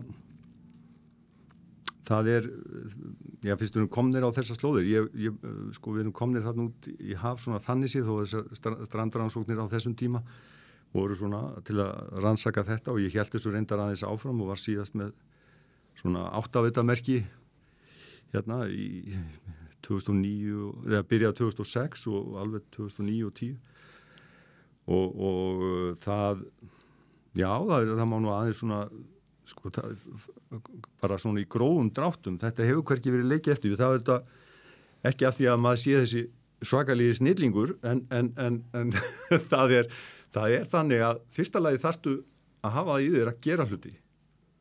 Finna leiði til þess, nota nýjustu tæknu og vísindi til þess að hjálpa þér. Og, og ymmit af því að maður er ekki sá uh, rakni snillingur að upplægi þá, þá, þá, þá er maður á öllu þessu að halda og meira til og, og maður gerði það og, og það kostiði mikla vinnu og erfið því að þetta er ekki tekið upp úr skýtnum eins og bændur segja. Mm -hmm. og, og á þessum árum þá voru við með habitan og ég var svo lánsamur að í fyrsta lagi þegar ég að því að ég fó nú þarna með rannsóknunar ótrúlegt að ég fó með rannsóknunar í fyrsta sinn út fyrir fjörumerkin á lagsinum þetta hafði bara verið í ám og á ósasvæðum áður rannsakað Reynda elda út í stóra Já, hafið. fyrst, fyrst með netum, lagnetum og flótnetum og, og svo vörpum og annað og endaði þarna uh, átna frýris með lagsaflótur og allt það. En, en síðan þessi kapli sem kom strax uh, sko á, á 1993 áfram gakk með rafendamerkin að koma þeim inn, inn í þetta. Þannig að við fengjum þessa fiska til að skrá ferði sína þarna úti. Og þá sá maður að hvort sem þú fórst með hann og þarna uh, á, á móti megin strandströmi eða undan megin strandströmi á bíl eða fórst, legði trillu og fórst út eða stærri bát og allt þetta. Eða ég vil bara hafði samband við vinninu og kunningja því að þetta var nú svona frí, frístunda, maður var alltaf, það var ekki peningu fyrir öllu að fó, fór kannski með tóran með svo klakki hérna út á 200 miljónar og, og kunningi sko tók bara í, maður tók þetta allt í salti í ósnum í kér, spúlin á, út, sleftu 200 miljónar og svo bara komdu þér heim. Og þá var maður þarna heima og beigð og allt þetta þetta hefur ekkit verið leikið eftir. Og þetta segir að það er svo nákis í hitti á ekki verri staðheldur en Honolulu hérna á Hawaii á rástefnu. Hann saði ég hef aldrei, og þetta var nú mest í spekingurinn að talið var í veröldinni heilt önnu aðra eins jafn skýr dæmi um hversu öflugur lagsin er í rötum. Allt þetta og hann, hann er bara mættur en hann er ekkit að eigða orkunni óþra, hann tekur þetta bara á slóinu og kemur sér heim, finnur út hvert hann á að fara og allt það og, og, og það er sko með áttafutamerkinu þá kom svona auka hluti af þetta seltan og allt þetta var svo skemmtilegt vissulega. Mm -hmm. en, en þá sá maður eins og þegar maður fekk hérna við tókum nú hérna eitt tóarinn frá HB Granda fyrir mig eins og hérna og henduðum hérna út á Reykjanes.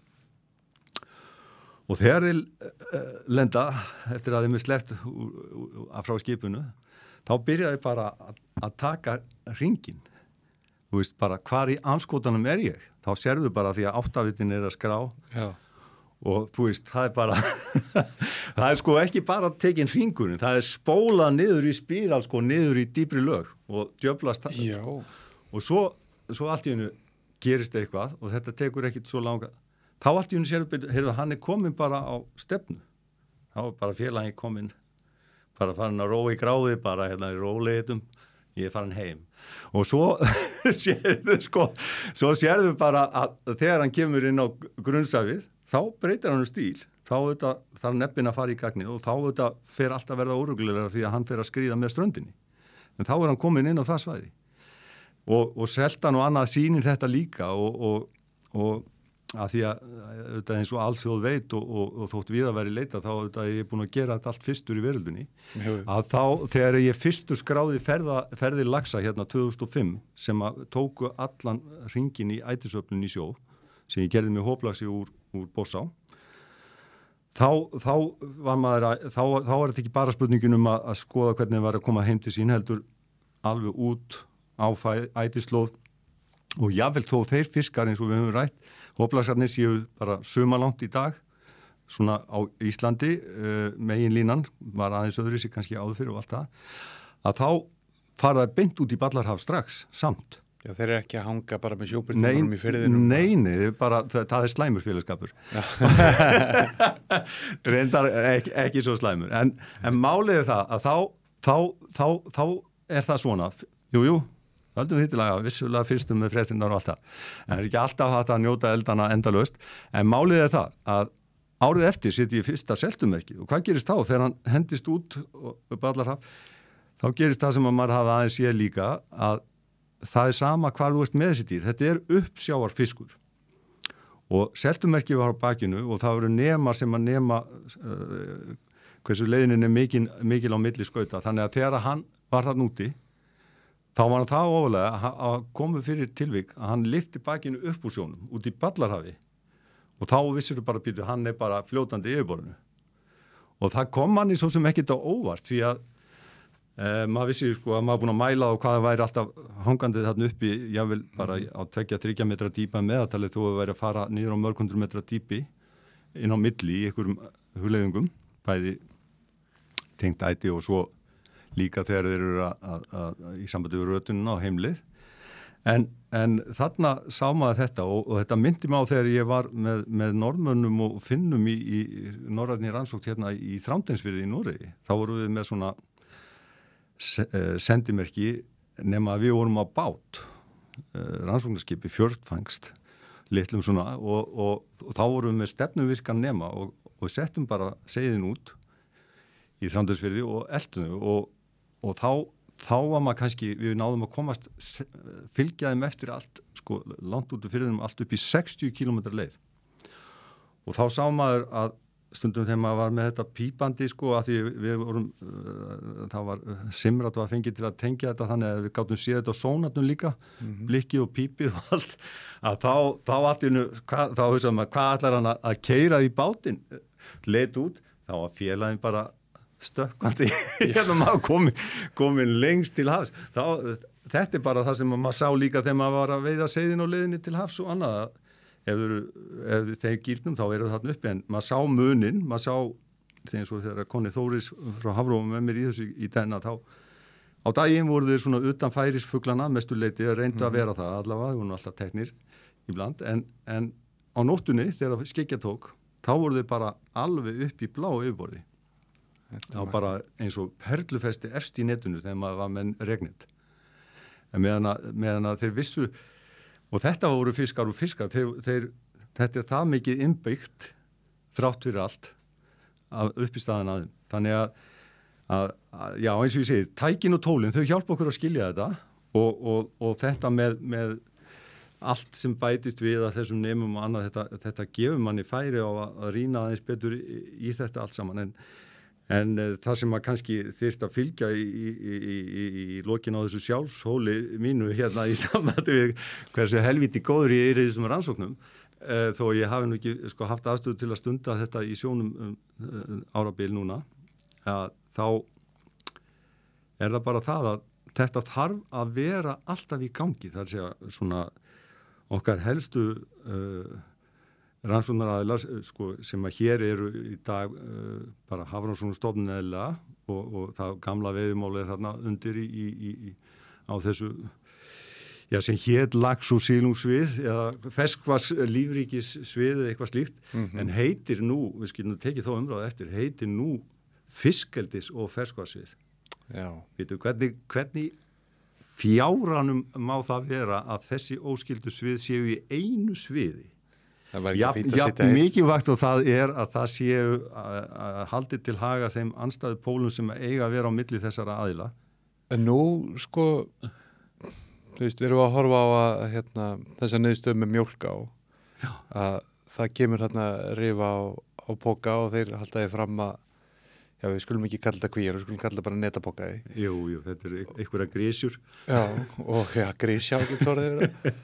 Og hérna, þeir vilja nú svona fyrst haldaði fram að, að hérna, jáfnvel ekkert hafi sloppið og eitthvað svona. Jú. Svo faraði nú að dúku uppi á, á þér og, og fleirum hann út um alla, alla vestfyrir. Uh, 120 miljón konar segt, sem er nú helviti rífilega segt á, á Íslandi, þetta er úrlega bara eitthvað meðliku við. Já, já. En þetta er drópi hafið, þeir barma sér ekki eins og yfir þessu líku við, eða jú þeir reynda að kæra þetta en... Nei, þeir alltaf kæra þetta reynda sem er, sem er svona sínir enn frekar þeirra rétta andlit því að þeir eru auðvitað búnir eins og sektin sínir, þeir eru búnir að svína á því sem skildunum sem þeir átt að gegna, mm -hmm. þeir sögðu ekki korki á réttum tíma nýja rétt frá, þetta eru aðlæðna sem að við eftir sögurnar utan eftir okkar eigin sakfallasögur varðandi þessa menn erum að láta rétt okkur gögnin yfir það hvað er að sleppa hvað er að lús í kvíunum. Hvernig, hvernig, hvernig ámaður að geta þú veist? Eins og var þetta í ákvörðinu sektina þeir sögðu ekki satt hvað verður eins og mikið að fiski í grísunni sko. nei, nei, nei, nei. Þa, það er bara ekkit í bóði sannleikurinn er ekki í bóði frá þeirra hendi. Það er svo sorglegt sem það er. Maður villu þetta alltaf hugsa að allir séu að vel meinandi og vel hugsandi en þegar að þessi peningar eru komnir í spilið þá hverfu sannleikurinn bara eins og dögg fyrir sólu Mhm. en, en varðandi þetta þá er maður er alltaf bara eins og maður verður að vera og allir verður að vera með í öllum málum sem að eru sem að þarf að sinna hverju sinni með voni brjósti að, að, að, að hluti getur gengið eðla fyrir sig og, og það, það er ennþá þannig að maður maður er alltaf að, að gæla við þá hugmynd að, að það sé að laga eitthvað þarna í þessu og bara fyrst við komnir inn á það þá vil ég nú halda því að svona, setja það fram hérna því að það er svona doldið ánægilegt að það hefur aldrei og nú er ég búin að vera að rannsaka þetta samfelt frá 2015 í samvinnu við heimamenn þarna. Uh, við í grænum hlýði Bakadal og, og menn sem eiga þarna landað ám þrjár ár sem að maður hefur verið að rannsaka Bakadals á Fífustadals og Seludals á að þá hefur maður verið þarna árlega. Og þetta er ekki til, það er ekkert enga svona upplýsingar til á landinu uh, aðrar.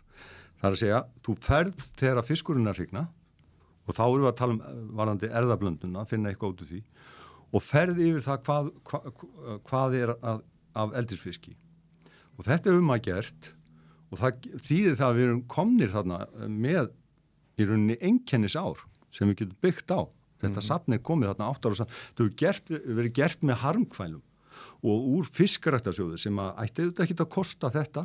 Það er að segja styrklutin. En við sem erum í þessu, við höfum bara líka verið með okkar framláð því öðru sér gengur þetta ekki. Mm -hmm. þetta eru svona sko örritis fjármunni sem að hafa fengist. Gott og vel. Við ákvæmum að fara í þetta og við erum svo ánað með það því að þetta er eins og vissum þetta, þetta væri sko algjörlega nöðsvunlegt ef þetta væri ekki sem viðmi í dag þá væri umræðan á allt öðrum stað og reyndar vissu við alveg hvað myndi gerast ef, eins og var ákveðið að gera af hendi Havró, merkilegt nokk. Við getum kallað það óréttmæta gjörð. Það var þetta eitthvað, sko er þetta að nota miklu verra nafni við það. Þegar þeir ákvaðu að að skilgrina laxastofna í áttamöndi erðablönduna sem einungist á stofna sem hefðu verið skráð veiði yfir já, ákveðin, já helst ákveðin árafjölda og ákveðin mikið magn lífræðilega sé þá, þá er það já, við getum notað í mig sorð en, en maður hefur stundu sagt bara reynilega galin hugmynd mm -hmm. en það var gert og það er ennhægt að bæta fyrir það og, og það þýtti það að þeir sem voru veikastir á svellinu gagvart þessara erðablöndum, stopnarnir litlu sem eru næst eldinu, þeir myndu verða hart úti mm -hmm. og það eru við byrjaði að sjá núna, það er bara staðfest dæmi með fífustadadals á að það er bara komið upp fyrir meiri sig þessi mörg sem að maður vill láta laga sem er í gamla áttumatinu það er upp fyrir ofan þau mörg varandi það að, að stoppgerðin eðilegist ekki hjá þessum heimastofni í fífustadalsá og uh, þess vegna uh, er svo mikið mál að, að menn sjáu að sér og þa það er það sem það er. Ég meina það var allir lendið því að gera eitthvað mistök. Mm -hmm. og maður hefur þá bara bætt fyrir það ef maður, getur... maður lendir í því. En, en þegar, þegar að menn sko þegar það er ekki bara ljóst í rauninni í byrjun heldur svo ítrekkað að, að þetta er ekki að ganga. Með þess að fengin til þess að reyna að kaupa einhver tíma, einhver sérfæðingar hún bara kemst þau í sama, þetta er ekki að ganga og svo niðurstöðunar áfram gakk. Og þetta er núna bara eins og með fífustadals og þetta er núna eins og ég var að segja við aðla eins og í ráðnötinu þetta er, ekki, þetta er bara reglan, þetta er ekki undantekningin og þetta er komið yfir mörkin og þá er bara eitt í stöðunni. Og þetta átt að vera allan tíma það er að laga þetta áhættumatt eins rætt og mögulegt er. Og meðan það er verið að vinni því að gera það sem það hefði átt að vera að gera allan tíman að Að, að passa upp á þessar ár með einhverjum öðrun leiðum til þess að þreja þóran þonga til að það er komið í, í, í brúk. Það hefur maður sko náða að gera einhverju leiti að því að maður hefur sopað þessum fiskum upp á land en sumir hafa verið búin að regna og svona eins og gengur. Þetta er ekki hægt með þessari aðferð svo mikið en ekki svo, svona 100% en, en með því að fá þetta inn í matið það kostar að vissu að magni sem er í eldi verður að lækka. Við vitum það. Þess vegna er þetta svo finnst mönnum þetta svo óspennandi og það er það sem réði að þessum stofnum var hend út í byrjun. Það var einungist til þess að fá magnið á þann stað sem menn vildu. Það er, það er engum að blandast hugur um það hvernig það var ákveðið. Já og mikill lobbyismi. Og... Ég er að tala um það, þetta er, þetta er, sko, þetta er þvílíkt. Þannig að, að það sem þarf að gera er þetta og ég, uh, þegar ég var að tala um það, að ég finnst margt skrítið hitt og þetta, þá var það þannig að það er þó ekki verðan það núna að í fyrsta sinn uh, sko núna var uh, vildi svo til að uh, hvað var í liðnum mánuði þá, þá svarar ráðhverja fyrirspunn um það að það sé engin erðablöndun fyrirspunnum hvort það sé erðablöndun það voru rángar, rángar upplýsingar sem hún hafi fengið, það var ekki svo sem hennarsök en hún fekk rángar upplýsingar frá Havarósunarstofnun, ég veit ekki hver réttinu það er, það hefur ekkit komið fram. En ég brást skart við og varandi niðurstöðu sem að Eh, eru frá rannsóknum sem ég hef verið að vinna þarna í þessum tremur ám og gögnum reyndar sem ég hef sapnað víðar sem ég setti inn í úrvinnsluna og þá vinnu er ég að vinna í samráði við Háskóla Íslands, hann Snæbjörn Pálsson sem er profesor í stopplífræði þar mm. og við erum að, að útbúa uh, uh, skrifa grein uh, og eins og gengur þá, þá þarf að þegar þetta er ekki meiri völlur á mann en þetta, tekur sinn tíma og til og stendur til að hún byrstist í vetur. En hún er semst ekki byrst og svo kemur þessi fréttaflutningur. Það var ekkit annað í stöðun heldur en bara koma með þetta sem var þó allavega og það var bara, bara hengt við fréttina sko, uh, framvöldu skísla til fiskrættasjóðs þar sem að fónum svona bara almenum orðum yfir það og í gröfum og, og rítum hvernig þetta væri uh, frá því vor og þó vanalega eru menn ekki að byrta óbyrt gögn áður en, en það er nú aðeins meiri hú heldur að getur haldið kæfti svo að það, það, þarna daginn eftir þá var, þá var Svandís bara búin að draga þetta tilbaka mm. og það var mjög það var virkilega uh, gott uh, og ég sagt, sínir að hún bara fer eftir því sem liggur fyrir mm. og og það sem meira var, ég, ég í frettin þá notaði tækifæri, eða sko það kom fram í frettin, en ég notaði tækifæri og sendinni þessar upplýsingar auðvitað að þá baði um fund og hún varði því og nú er ég í, í nógum búin að eiga tvo fundi niður í, í matvælarandinu, baði með skrifstofastjórunum henni og fjölmörgu fólki sem vinnur að þessum málum. Og ég er svona bjarsýn, ég, sko, maður, maður oft verið bjarsýn og þurft að bakka með þá bjarsýni Ég er drópin að hóla steinin Já, en ég er bjarsýn á að það sé hægt að, eins og ég er að það sem er aðalmálið þessu, þessu spjalli mínu við þau er bara að það verði ráðist í að vinna buga á þessum bráðasta vanda. Þetta er heima tilbúin vandi við vitum það öll. Og hva, hvernig er það gert? Jú, fyrstulega koma þessu bara öllum lagsastofnum sem við þekkjum inn í áhættumatið Mm -hmm. Það er bara fyrsta versið. Ef þeir geta uh, með einhvern rökum skýrt það að þeir þurfi einhvern viðbúta tíma til að koma þessu sem vandar upp á, þá er eina uh, ráðið í, í þeim byggleik sem að þá myndu vera í gangi að, til að bjarga andlitinu, gagvart náttúrunni, væri að fylgjast með þessum ám sem við vitum að er lags í. Því að þó að maður hafi skaklapast um þessar á sem ég er að nefna, þá vit, við vitum aðrar ár en það er engin að fylgjast með þeim. Hvernig hefur erðablöndunni verið þar? Mm -hmm. Mjölkaðu kannski ekki dæmi gerast að uh, dæmið. Og, og hérna þess vegna uh, þanga til að þetta er komið inn, reyndar fígustadatalsáin er, er dæmu yktara dæmi því að eins og ég saði við á, þar þarf bara að fara í, í gjörgjæslu núna.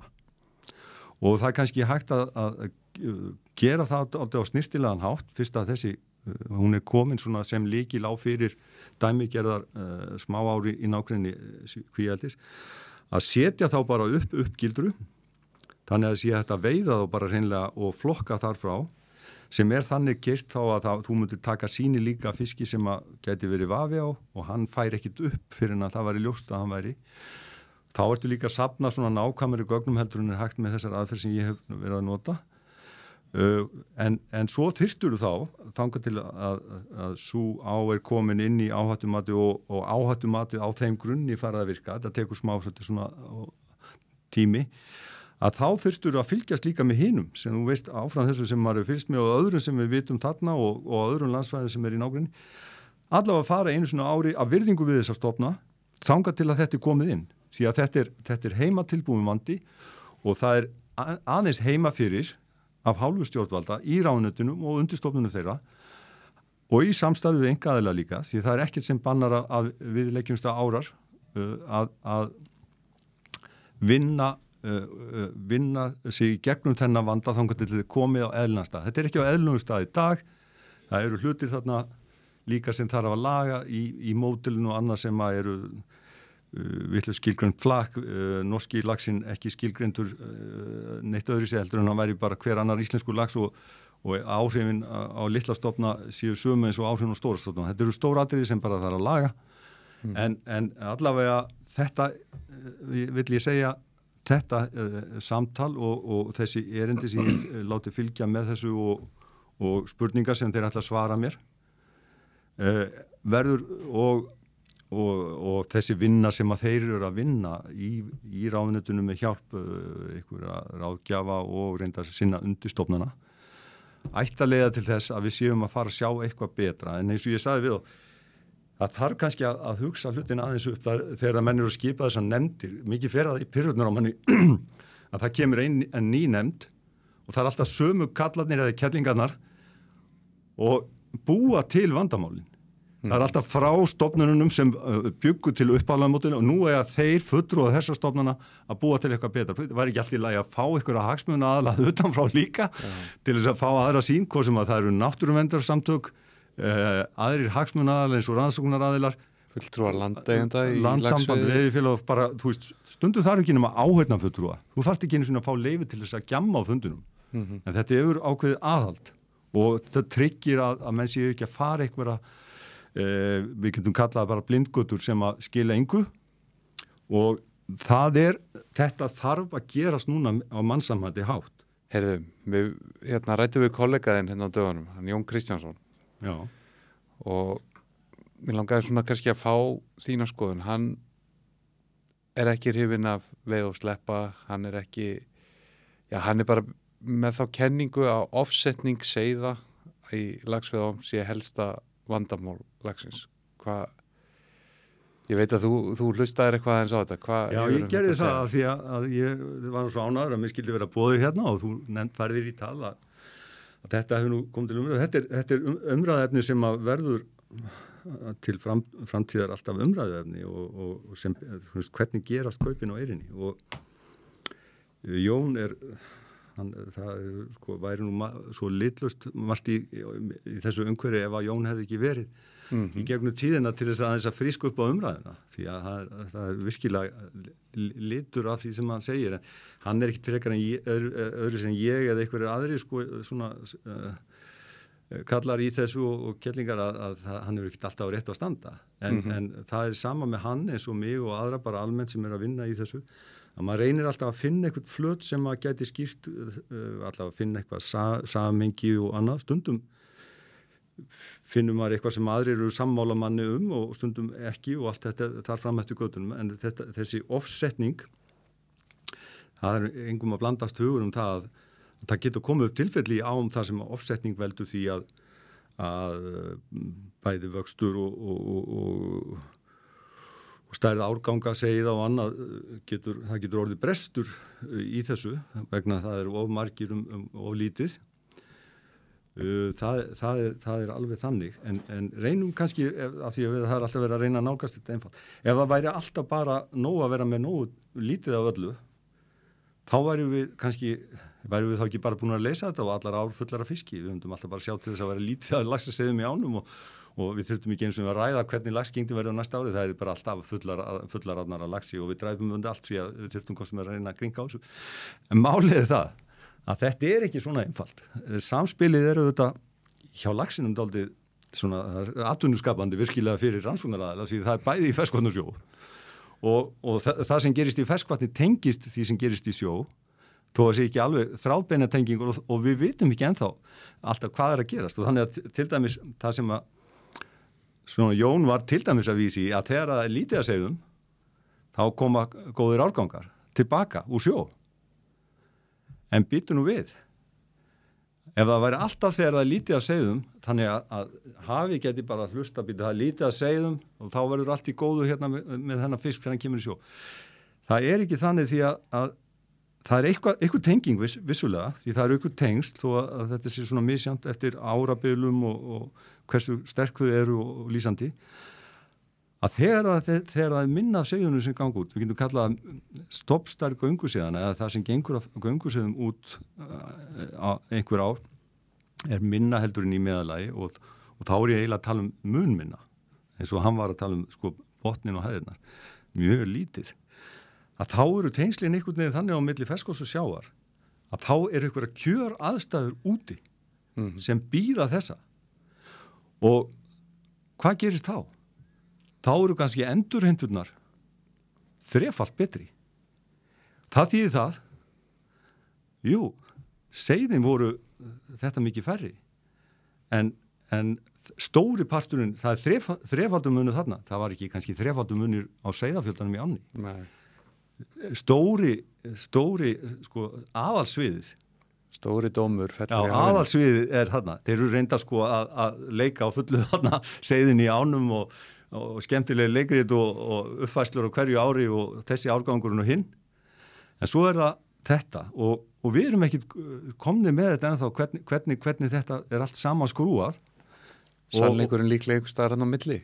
Já, það, þetta skiptir, já, já, og það, það er hérna, það er nú þannig að, að auðvitað er í þessu öllu eitthvað brottur. Það er, það er í þessu sem Jón er nú eldri en tvæfutur og, mm. og, og, og hann, það er í þessu eins og ég segi, það, er, það eru koma tilvík, það sem að þetta gerir það að verkum að það er eh, kannski skapast að, að það nagast eitthvað óþálega mikið af einhverjum árgangi og jável einhver árgangu verður hundlélur en En, en, en saman er þetta þannig að það er nú yfirleitt, sko, helindis er nú yfirleitt ekki minna en þrýr árgangar sko, og þá tveir sem er á bakvið, tveggja og þryggjára segið sem er eins og hérna á Suðu Vesturlandun, tveggja og þryggjára, meira tveggja og þryggja og fjara fyrir norðan og var enn eldra áður, að sem er á bakvið uh, hverja útgöngu.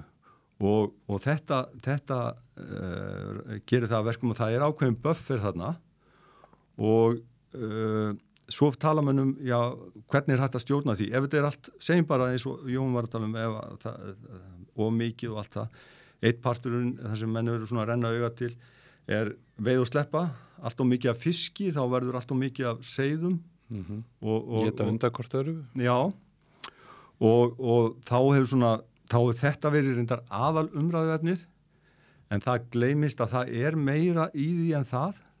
Það er fleiri fiskar, við rætum það reyndar í samvættu auksarána, þá er önnur dreifing á, á hrigningunni líka varandi sko yfir tímabilið það er axlirna verða starri á kurfunni mm -hmm. og það sem gerir snemma og seint er það getur tryggt það svona þessi, þessi jöfnun sem að, sem að e, náttúran er að býður upp á ef hún er óreif, það er eða sem ef hún fær að ganga sinn gang án okkar íhlutunar eins og veið og sleppa er svona nánast hannig þú veist, kannski einhverju fiskar aldrei þreytir á veðum en það er búin að sleppa það nokkuð sinnum en, en, en við vita þú veist að allavega haustið er framöndan og vetur og við tökum á því í hrigningunni og bara, bara förum í land og látum losa okkur einu sinni enn af. En málið er að þarna er semst fleira heldur en bara að þessi fiskar getur leytið þess að það verði fleiri, fleiri segði og einhver vandamál. Það er það eru svona bufferar allt frá því hvernig stopnin er samsettur. Það er ekki bara starðans sem veldur því sko að það er meira af þeim sem að hrygnir eh, snemma og meira sem hrygnir sent það er líka samsetningin því að um leið og þú færð að leifir þessu að hafa sem gang þá færðu fiskar sem eru búin að hrygna einu sinna áður, hrygna sem eru tvisasunum áður, þrísasunum fjórusunum og jável ég allavega, sko, þó að meti síðan eins og þarna í ellanum fimm sinnum, mm -hmm. en þeir bara allt í hennur komnir inn í myndina og, þa og það, það gerir það verkum að þú hast líka þessum byttu og ég þá þa þá er ég að fá þarna úr þeirri átt eitthvað viðbótu gönguna árið eftir og ég hafði þar á eftir og þar á eftir. Sumti bara í stikkjatalið þegar komið í 2 og 3 ár og svo fyrir aðeins en árið eftir getur það verið í 2 tali mm -hmm. og vil meiri í einhverjum yktum árum. Því að þó að þeir séu oft bara eh, við getum sagt svona með lífslíkur á, á borðu segði þá, þá eru þau samt að fara einmitt eins og segðin kannski hæst í 20% og það, það munar um minna þegar, þegar kannski með 20 slags í á og fengið 20% af því tilbaka en það eru yktu dæmin en þetta kemur þá á móti einhverju við getum kallað hugsanlegt óhagraði af því að hafa ómarga fiska Svo er hvað, er, hvað er þá fleira í pottunum sem hefur heldur ekkit verið rætt? Jú, til dæmis það að í kerfum það sem að þú átt kannski í basli með það að það er svo lítið hrykningin á ákveðnu svæðum. Það getur verið einhver ángar árinar og það er ekkit vist úr leysir úr því með þessu nema þú hreinlega takir fisk og neyður hann á ákveði svæði eða, eða setir hrótta því að eins og við höfum rætt þeir eru svo heimakærir að þeir fara oft bara á sama staðin til að hrigna þannig að þú getur með þess að þurft að blanda þér aðeins í það. En segjum bara að sé svona aðeins öðru í sig eins og ég ætla ánum að þú sért með aðrar ár eins og Suður og hún sá sem að lendu því að, að, að, að það svona fjaraði undan þeim, þeim, þeim, þeirri hrigningu sem þar var þegar best létt áður fyrr og þá er til dæms, eru við allt unum með veið og sleppa sem gefur þetta að það eru fleiri fiskar sem koma stangað. Mm -hmm. Allt þetta skiptir gríðalögu máli og ég segi þángar til í ljós miklu meira máli heldur um það að hugsanlega eitthvað árið nagast meira af þessum árgangi af því að, að hann var ekki alveg í toppi að geta með hitt árið. Það kannski allir því bara að næsti árgangu við hliðina tók, tók, tók keflið meira. Mm -hmm. Við sjáum þetta, náttúran hefur allavega alveg gert þetta án, án vankvæða, uh, án okkar ingrips og talandum það að þetta sé svona og hins einn og eitthvað dæmi til skýringa á því, það má líka allt til að nefna það því að Jón nefndi þarna uh, mun á einhverju svæði sem var ekki með lags og svo lags sem að, uh, svæði sem var með lags í sömu áni, leir og svo. Mm -hmm. Þá tók hann hérna fyrir ofan Þröllafós og það sem var sleft lagsi til þess að fá segið undan til að auka, auka framleiðinni árinar og, og, og, já, og sem að bara stóð snjált og allt í góðu en hann vildi meina að, að, að sína hvað, hvað það var munurinn að vera með mikið af lagsi versus lítið að þá væri þetta mjög gott dæmi en það er ekki gott dæmi því að þarna fer hann inn á svæðið sem er næst stöðvatni það sem er mikið lífrændir ek og alltaf bestu svæðin í ám sko, sem hafa stöðvatni er næst vatninu Þannig að það er bara strax eins og að bera saman eppli og applisínur að leifa sér að bera þetta saman. Alveg óháð sko, fjölda lagsana, þetta er ekkit sumu svæðin. Þannig að bara það, fyrir utan einhverja mögulega kalda læki og annað neðar sem getur haft áhrif þar, þetta er ekki dæmið sem hann á að segja. Ég er ekki að gera lítið neitt nátt úr því sem Jón er að tala um, en þessi rauksend var hann eitthvað starri segði og fleiri segði þarna, hún er bara ekki að ganga upp. Nei. Því að hvort, það sem ég hef farið um í þessum aðstæðum, hvort sem það eru elli átnar fyrir neðan elli vatn eða í haugardalsá fyrir neðan haugardalsvatn, þetta er bara eins og svart og hvít að vera á þessum svæðum og svo einhverjum neðri svæðum. En, en ég segi sko, þessi umræða, þetta er ekki teilat og ég vildi skjarnan að, að ég væri sko maður til þess að vita hvað er eiginlega í gangi. Ég bara er það ekki. Mm -hmm. En, en, en uh, og það er mikilvægt og það er ymitt sko Jón er helviti góður í því, þú veist, vissulega þykist hann alltaf á rétt á standa, en hann lætur vaða. Já, hann færi rauk fyrir málu sínu og, og. Og hann færi rauk með, með sínum, svona, sinni nálgun og maður hefur gert þetta stundum líka, maður hefur nálgast eitthvað og svo hefur einhver þurft að banka í baki og segja, heyrðu, heyrðu, jú, ég sanga þessu, en það er bara, ef þú lítur á þetta hérna, þá er þetta ekki alveg svona. Mm -hmm. En hann, hann, bara þessi umræði hér, Jón, hver, hver það sem tekur þessu umræði, hún þarf að eiga sér stað, alltaf af því að við erum að nýta þessa fiska alveg sama hvort við drögum það á landi eða veið og sleppa eða hvað það er þetta er eitthvað sem við erum að, að krukki í og þá er bara ekki eðlegt heldur bara þart og nöðsynlegt að við séum að ræða þessi mál mm. Jável þó við fáum ekkert sko nýtt í sarpin nema kannski stundum á vestafalli bara einhverja ára fresti. Það gerir það verkum að við erum þó að leita, við erum að ræða þetta er svona einhverja snild. En eins og ég segi það verður einhverjir yngri og skappari menn greinlega koma til söguna til þess, að, koma með þetta upp á yfirbóri sem þarf að finna. En, en þeir, þeir, þeir, þeir hérna þeir er að koma sko, ég trúi því. En sko ágættis vingill yfir í elliðátnar sem að þú hefur með að gera og hafa til dæla nýlega verið settar í veðarsleppa og, og ættu samkvæmt kenningu Jóns að vera dreipastur ásetningu núna Uh, hafa staðið af sér bara í, í gæðum og veiði og, og fiskmagni þessi mögru ár sem hafa verið í lagsveiðinni þá þeir verið ákveðin ljósi punktur hann í lagsvæði mjótt uh, það er rétt. en hérna hvað hva er að fretta? þú veist Jón Jónsson í aði að þetta væri loknu undan storminum í ofsendingamálum en hérna Já, ég ætla rétt að vona ekki allavega í augnablíkinu er ekkit sem að bendi til þess og, og það, það er ég trúi, trúi því ekki að það verði nokkur tíman sá, sá stormur en, en uh, það getur vel verið að menni eftir að sjá einhverja breytingar sem að menn vilja heimfara upp á þetta en þær eru ekki komna fram enn og ég, uh, við verðum þá bara að sjá framann í þær. Það er margt gott búið að gerast enda sem hjálpar til, segi ég, eins og Morsku veit hann fór, fór og undan með góðu fórtami með að, að tæma þetta blessa árbæðalun sem hefði endar mátt verið að búið að tæma fyrr af því að Morsku vinslan var, hafi verið hætt nokkrum árum fyrr.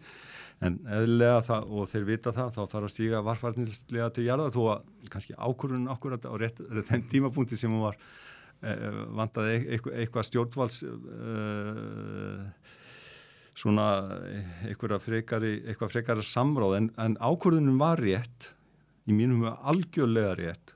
Og það sem að maður hefur séð í framhaldinu að því ég var fenginn til að vakta þetta er, er hvað, hvað þetta mun um, uh, bara það, við erum að munna að það hefur verið að færa þetta til fyrri vega bara eins og þetta var. Þó að við séum með hennar steinkumbaldaðarnu yfir sem er, sem er stíblan þá renna átnar og hindraðir í gegn núna. Þannig að það sem er aðlatrið sko með mig ekki glemma því það er gönguleið upp sem var lokuð mm -hmm. Svo er svæði af lóninu það sem var of djúft og of mikið drullat, það var ekki dætt að hrigna þar. Það opnast á hrigningasvæði og uppeldisvæði og með hverju árunni sem líður núna, það eru ekki komin mörg, að þá sér maður bara að það er að byrtast þarna allt annað botn og allt annað búsaði fyrir segðin.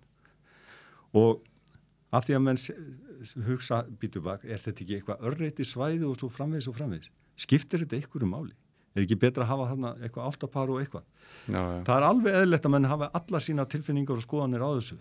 En enn og ný, þá eru við að, eh, með í eh, höndum okkar þessa náttúru og ef það er ekkit sem að mælir því mót, þá eigum við að hafa hana eins upprunulega og eins, eins afskipta og mögulegt er, þó við leiðum okkur áfram að veiða og svona, að þá eigum við að, passa upp á það. Og það er, hvernig fer það með stípluna sjálf? Og það er kannski ekki stóra málið því að hún, mm. það, hún hefur engin áhrif á, á, á, á ána, hún er útlýslega kannski ekki spennandi. Eh, það er göngulið þarna og það er sjálfsagt dýrt að, að búa til nýja göngubrú, þannig ég sé nú ekki fyrir mér að hún verði fælt næstu árin allavega. En, en átna sjálfa, það er að fá árbaga kvísl, fá gönguliðana upp fá hrigningarsvæðið, uppeldisvæðið, skiptimáli og akkur skiptir það málið, skiptir þetta málið að þetta er svona lítið, já þessar ári er ekkit svakalega stórar. Og svo er menn bara að prófa að fara eftir ánum hvað með hrigningar skilir því? Það sem er að nógu hægur ströymur mm -hmm. það skildi þú ekki vera, þarna er bara eina betri hrigningaskilunum sem við farið af því að það er svona heppilega að slett og, og passluðu ströymur það er ekki, þú getur ekki strekt alla ána út og sagt að bara hér hrygnir hann á hverja einasta bletti alla ána. Ah. og þetta er bara svona stórt hlut alltaf því, nei þetta eru góð hrygningaskilri ah.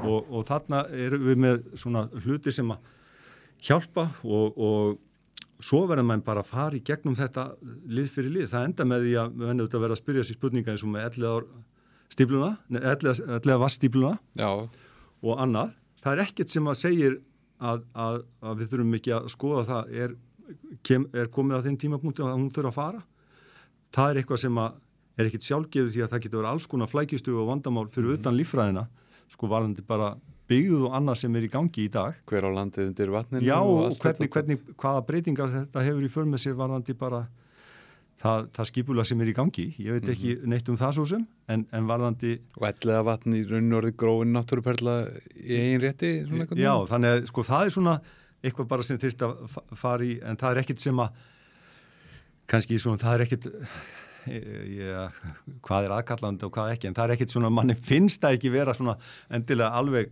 að það er ekkit sem að brennur á manni en, en þetta það þarf að taka þá umræðin og alla aðra í þessu. En þetta er og þetta er bara í takti við það sem er á heimsvísu. Til þekki það viðmenn er að það, það, það sem er á netinu það er alltaf fréttir að það er að vera að sprengja þessa stíplu og og, og, og það eru samtök búin að vera um margra ára skeiði World Fish Migration Day sem að eru að lýsa þessu og allt það og, og halda því til haga. Maður tók nú þátt í fyrsta viðböruði þeirra samtaka þennan 2014 í elli ánum bara komið svo fáir til þess að horfa og segja þið hjá mér. En það var, það var fyrsta, fyrsta skiptið sem, að, sem að það, var, það var gert og þeir eru um allan heim og hérna sprengjandi þetta í loft upp og annað og, og við Íslendingar þegar við höfum á að losa okkur við eitthvað svona drauga þá hefur við bara að gera það. Mm. og ef það er til gags fyrir náttúruna það er engin þörf á, á, á, á því öðru sí Mér fannst eitthvað hjákallett þessi svona blaðaskrif og annað frá, frá árbæingum. Þau saknuð, söknuð þarna lónsins og eitthvað en þetta er náttúrulega ekkit annað en mann gerur drullupollur þegar rávorku Já, ég, vinslu er hægt sko. Ég, það, ég, ég er ekki að gera lítið úr tilfinningunum sem slíkum og, og þú viljir hafa gott útsýn út um gluggan sem út vanur eða eitthvað svona En þetta grær það í- náttúrulega aftur í, og- í hinu samhenginu sko, þá eiga þær skoðanir bara ekki, þær er ekki eins réttáður eins og réttur náttúruna til að vera í, í sinni mynd Þegar elleðunar eru virkjaðar þá snýst þetta náttúrulega bara um að, að koma hérna hvað ljóstýru á Reykjavík sko. Já, já, og veist, allt skiljanlegt og Þannig að við erum alltaf að vega og meta hagsmunni sko. Þú veist, er alltaf parið á drullupollurinn víst að við erum konum með hérna, aðra virkjanir Já. upp á Hálendinu og þurfum ekki lengur að nota elleðunar er þá ekki sangjarnast gagvart elleðunum að færa þær í sitt náttúrulega Jú, far? og það er nefnilega þetta það, það þarf á sangetningsgrundvilli að, að meta þessa hagsmunni og það er bæðið með það sem að þarf ekki lengur að, að vera eh, sko, það, sem getum, la- það sem við getum laga til eftir okkur, eins líka það sem við hefum verið að, að ganga á, á, á, á, náttúruna eins og, eins og í lagafljótunum það sem við getum uh, reynda að bæta fyrir það. Og eins er það með eldið að, að, að við eigum auðvitað að stoppa á einhvern stað, við getum ekki við getum ekki uh, sagt á kostnað náttúrunar bara til þess að að sé aðeins meiri gróði fyrir ellendu eldisfyrirtækin. Er það það sem við viljum? mm. Staðin fyrir að, að það sé bara kannski einhver myndi segja eðlilegu gróði eða ásættanlegu gróði því þetta er allt í bullandi gróða hjá þeim en það faraði með hverju krón út að þá, þá séu er krónu settar allavega í eftirlit og varnir gegn okkar stofnum og annað sem þarf. Þannig að við séum allavega ekki eins og hefur verið. Við höfum að borga með okkur. Þetta er svo sorglegt, við höfum að borga inn í þessa hít. Tjekkjum fyrir eftirlit og allt það endar á okkur.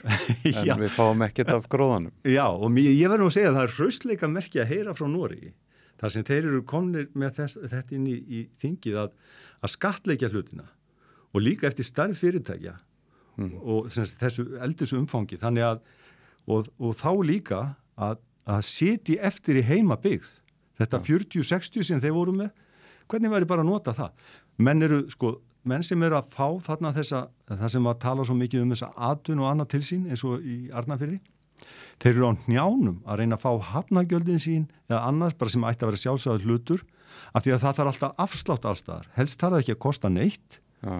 og Við erum að koma með þessi störf. Já þetta er bara að gefa okkur þetta. Já, og þetta, þetta, þetta ef að skatturum væri bara svona eðlur eins og fyrstir, fyrsta stjórnvöld ákvöðu þetta það er hægt að laga þetta ennþá. Þetta er ekki heldur inn í eilva framtíð eins og í Arnarfinnum það er leifin til 32 og þau eru meiri segja háð því, háð erðamati ung, eh, sko, áhættumati ung, áhættumati áhættumatinu á, á, á eh, erðablönduninni þannig að segjum að menn tækja á sig rauk og breyttu því þá er það inn í að þeir getur verið neytti til að lækka magnir sem þeir ala. Mhm.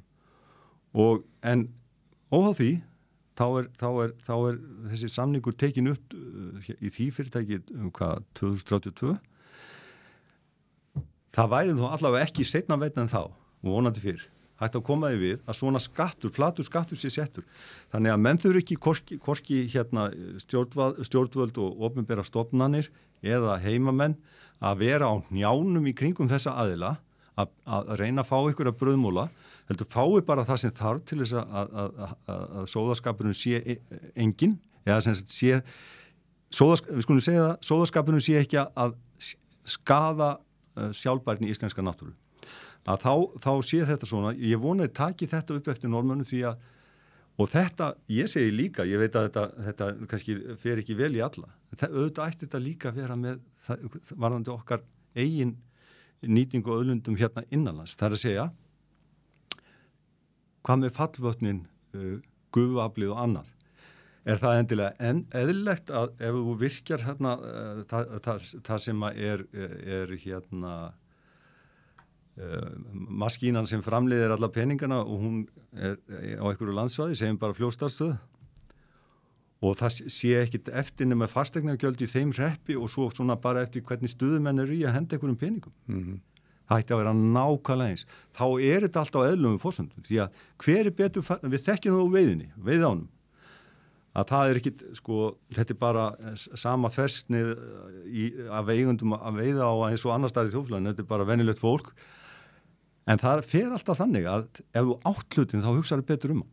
Mm -hmm og með því til dæmis að hafa þetta svona og þú færð þarna segjum bara 40-60 fyrir, fyrir uh, orkuna sem er framleitt þá myndu heimamenn sannarlega gera allt sem þið geta til að passa upp á sitt varandi náttúruna og bara allt almennt ekki það að stjórnvöld hérna sunna neyða sé eitthvað illa þengjandi þetta er bara svona ef, ef, ef þú setur þetta svona upp þá fer þetta alltaf þannig að það er alltaf einhver, einhver sem vantar penning og það er alltaf einhverju aðri hagsmunni sem er taldir svona ægilega ríkir að sá sem að, að, að hérna eh, gaf möguleikan að, að nákast öðrun og allt það, hann situr jáfnvel uppi bara með skadan og, mm. og svo bara eitthvað svona eftir hendinni Ég, ég er náttúrulega einhvern veginn bara á því að það var draga allt þetta fólk fyrir rétt fyrir landráð bara. Það væri, næst. Þetta er ekkit annað.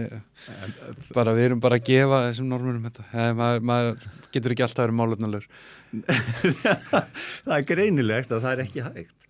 En nýtingarlega þá þá komuður og hreinsuðu hérna upp kvalina á tæmlega 30 árum hreinsuðu upp kvalina hvort sem það var Arnafjörður eða einhverju fyrðir allir, allir þessi fyrðir sem voru fullar af kval það er bara það er ennþá bara liðin tíð. Mm. Jú, það er einhver stað kvali hérna við landið og svona en þetta er ekkit þetta er auðvitað ekkit sko veist, þetta er dæmi um það sem er að gerast í fiskaldinu þannig að þú, þú færð aðila skiptir ekki máli hvort að þeir eru á norsku bergi brotnir eða eitthvað annað það vil, vil svo ofla til fyrir normen að þeir eru búin að gera þetta ítrykka þeir komuð þannig á hreinsuðu já eins og, eins og hann, hann vinnum minn víðir sagði sko að því að það er nú teiknum það hérna í öndverðu áður en að land byggðist að þeir hafði jáfnvel komið hérna fyrst til þess að nýta rostungin og það útrúnt honum. Gott og vel, svo tókuður kvalinn, stútuðu honum austfyrður og vestfyrður, þetta er eins og, þetta er eins og öllög því að fiskaldi er en þá þar. Þetta er alltaf sömu slóðunar, þetta verður bara að halda þessu í eyði. En svona að milli að gefa fólki möguleika á að halda, býtu við erum að fara að lifa af. En ekki á, á fórsendum náttúrunar, heldur á fórsendum einhverjar erlendra afla. Þeir koma á hreinsa kvalinn, hvað gerist næst? Síldinn mm -hmm. og alltaf skal það vera eitthvað, ég minna eitt dæmið sem var ekki reygin minni áróðu fyrir heldur um fiskaldunu í Arnafjörðunum það var óljurhreinsunastöð þetta, þetta var lífspursmál. Fyrir þetta byggðalag og maður fjekk á tilfinningun að vera lífspursmál fyrir Ísland. Já. en það verðist ekki að hafa skipt neinum máli að þessi óljurhreinsunastöð reysi ekki. En, en, en hvað, hvaða ætlum við að endur taka sömu vittlisun oft í, í, í, í öndverðuð þá var þetta allt skiljanlegt því að það var vantaði pening og, og, og þekking og annað, það var enginn sem vissi hvernig þetta myndi enda og, og varði okkur til, til góðs. En núna þá gæti þetta verið mönnu til góðs ef við bara myndu hugsa málið þannig að það er nóg að græða tölvert en þú þart ekki að græða svo rosalega að þú þurfir að leggja allt í auðn En fyrirtæki í kaupöll virki ekki endilega þannig að það sé nóg að græða tölvörst sko. Nei, þeir eru ekki með myndirnar sko á botnunum fyrir neðan kvíjarnar á, á vegnum hjá sér. Það er ekki það sem þeir eru að sína. Já, en þeim er kannski líka bara sama á meðan að hlutabrefin eru græn sko. Já, og það eru ekki svo byggkálið þarna með, með sjáapartin, maður tala bara um uh, laxin og sílungurinn hefur í raun ekki komist inn í átumandi frekar en laxalúsin og allt þetta sem er, mm. getum ekki það er einhvern veginn svo mikilvægt að, að ganga frá erðablöndunni fyrst en, en hitt er allt hann inni og bara tikkar sko og, og, en, en varðandi hitt að þá hvort sem það er rækja lífriki bórsins og, og víðar í þessum fjörðum og bara lífriki almennt að þá, þá síndi sig að, að í Nóriði þá náður til dæmis að rústa svæðum gjörsanlega með eldinu mm -hmm. og ég það var nú einhver að, að nefnaði við mig að þess að Ómar Ragnarsson, ég held að hann hafi gert þátt það sem að fór, ég, ég vona að ég sé að fara rétt með, það sem fór inn í norskan fjörð, það sem hafi verið hefðbundin sjáurútur og, og var eins og draugabigð og þá var, þá var búið að keira það fiskiti þannig að það var bara, botnin var bara, hann var, Þakin. hann var bara Úf. En hérna, þeir góða fólki á Skeljungi stendur með okkur í þessari dagskrágerð og þeir vilja alltaf að við spyrjum viðmannum um uppáhalds veðiflugu. Ég held að í þínu tilfelli væri það kannski háfur. Já, En hérna, það er nefnilega málið upp á flugan mín er háður og, og, og ég, og spotlight.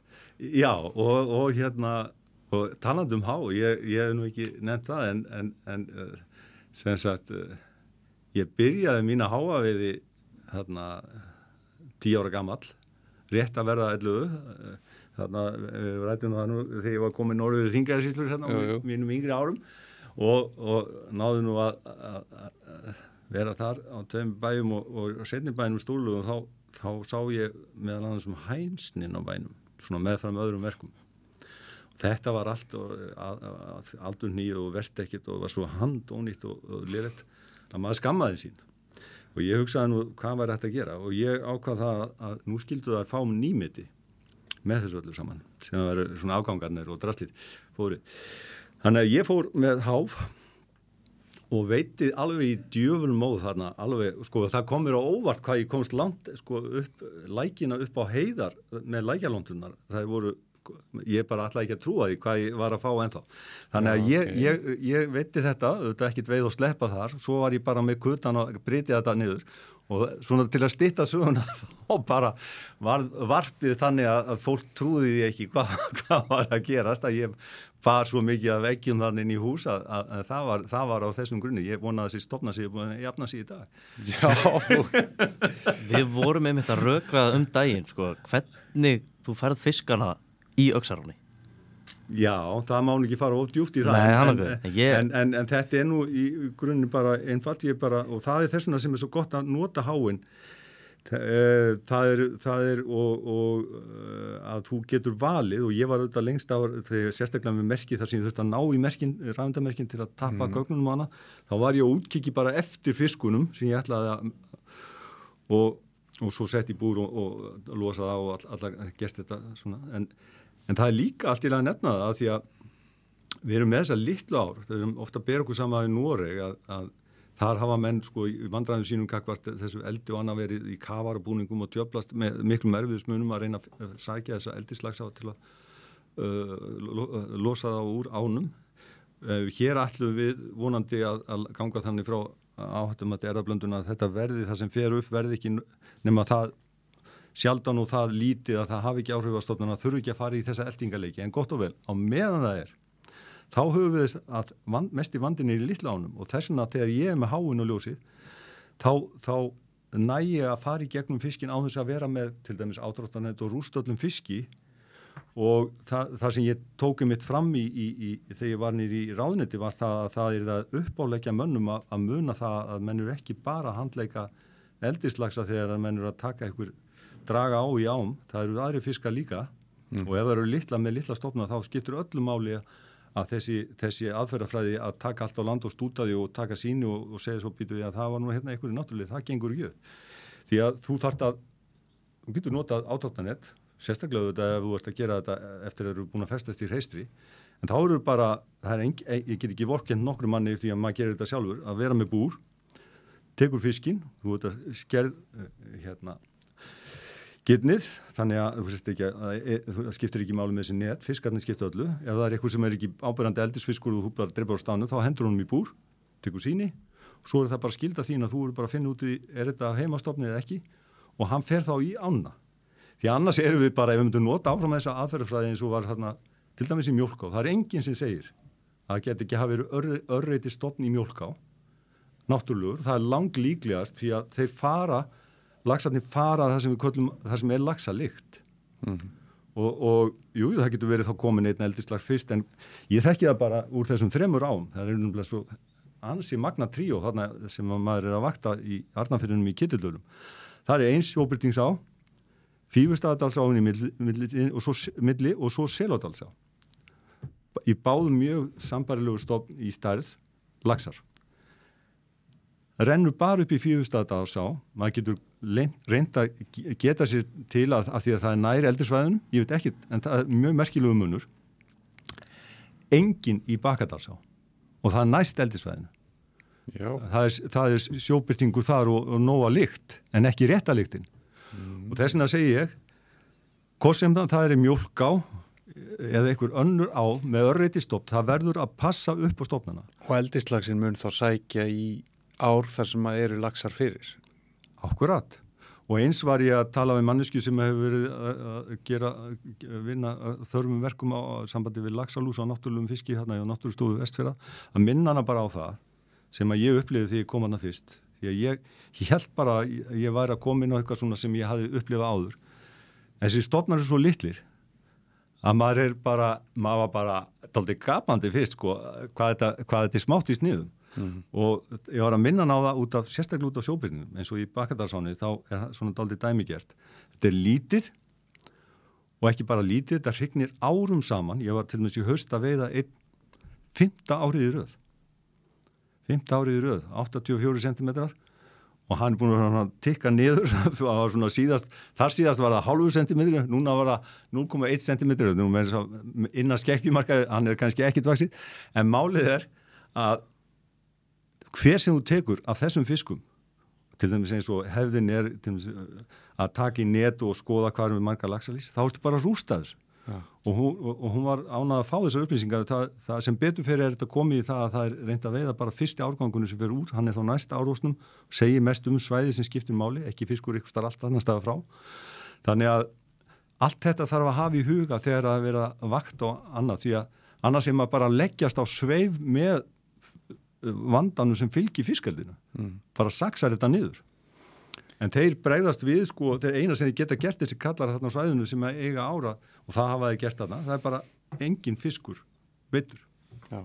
það er að þetta er svo lítið að þegar þetta kom til þá bara til að reyna Þannig að það er svona áhugaverð hérna, eftirlættis fluga í bóði skelljungs þessa, þessa vikuna. Það er, það er, það er lagsáhugurinn.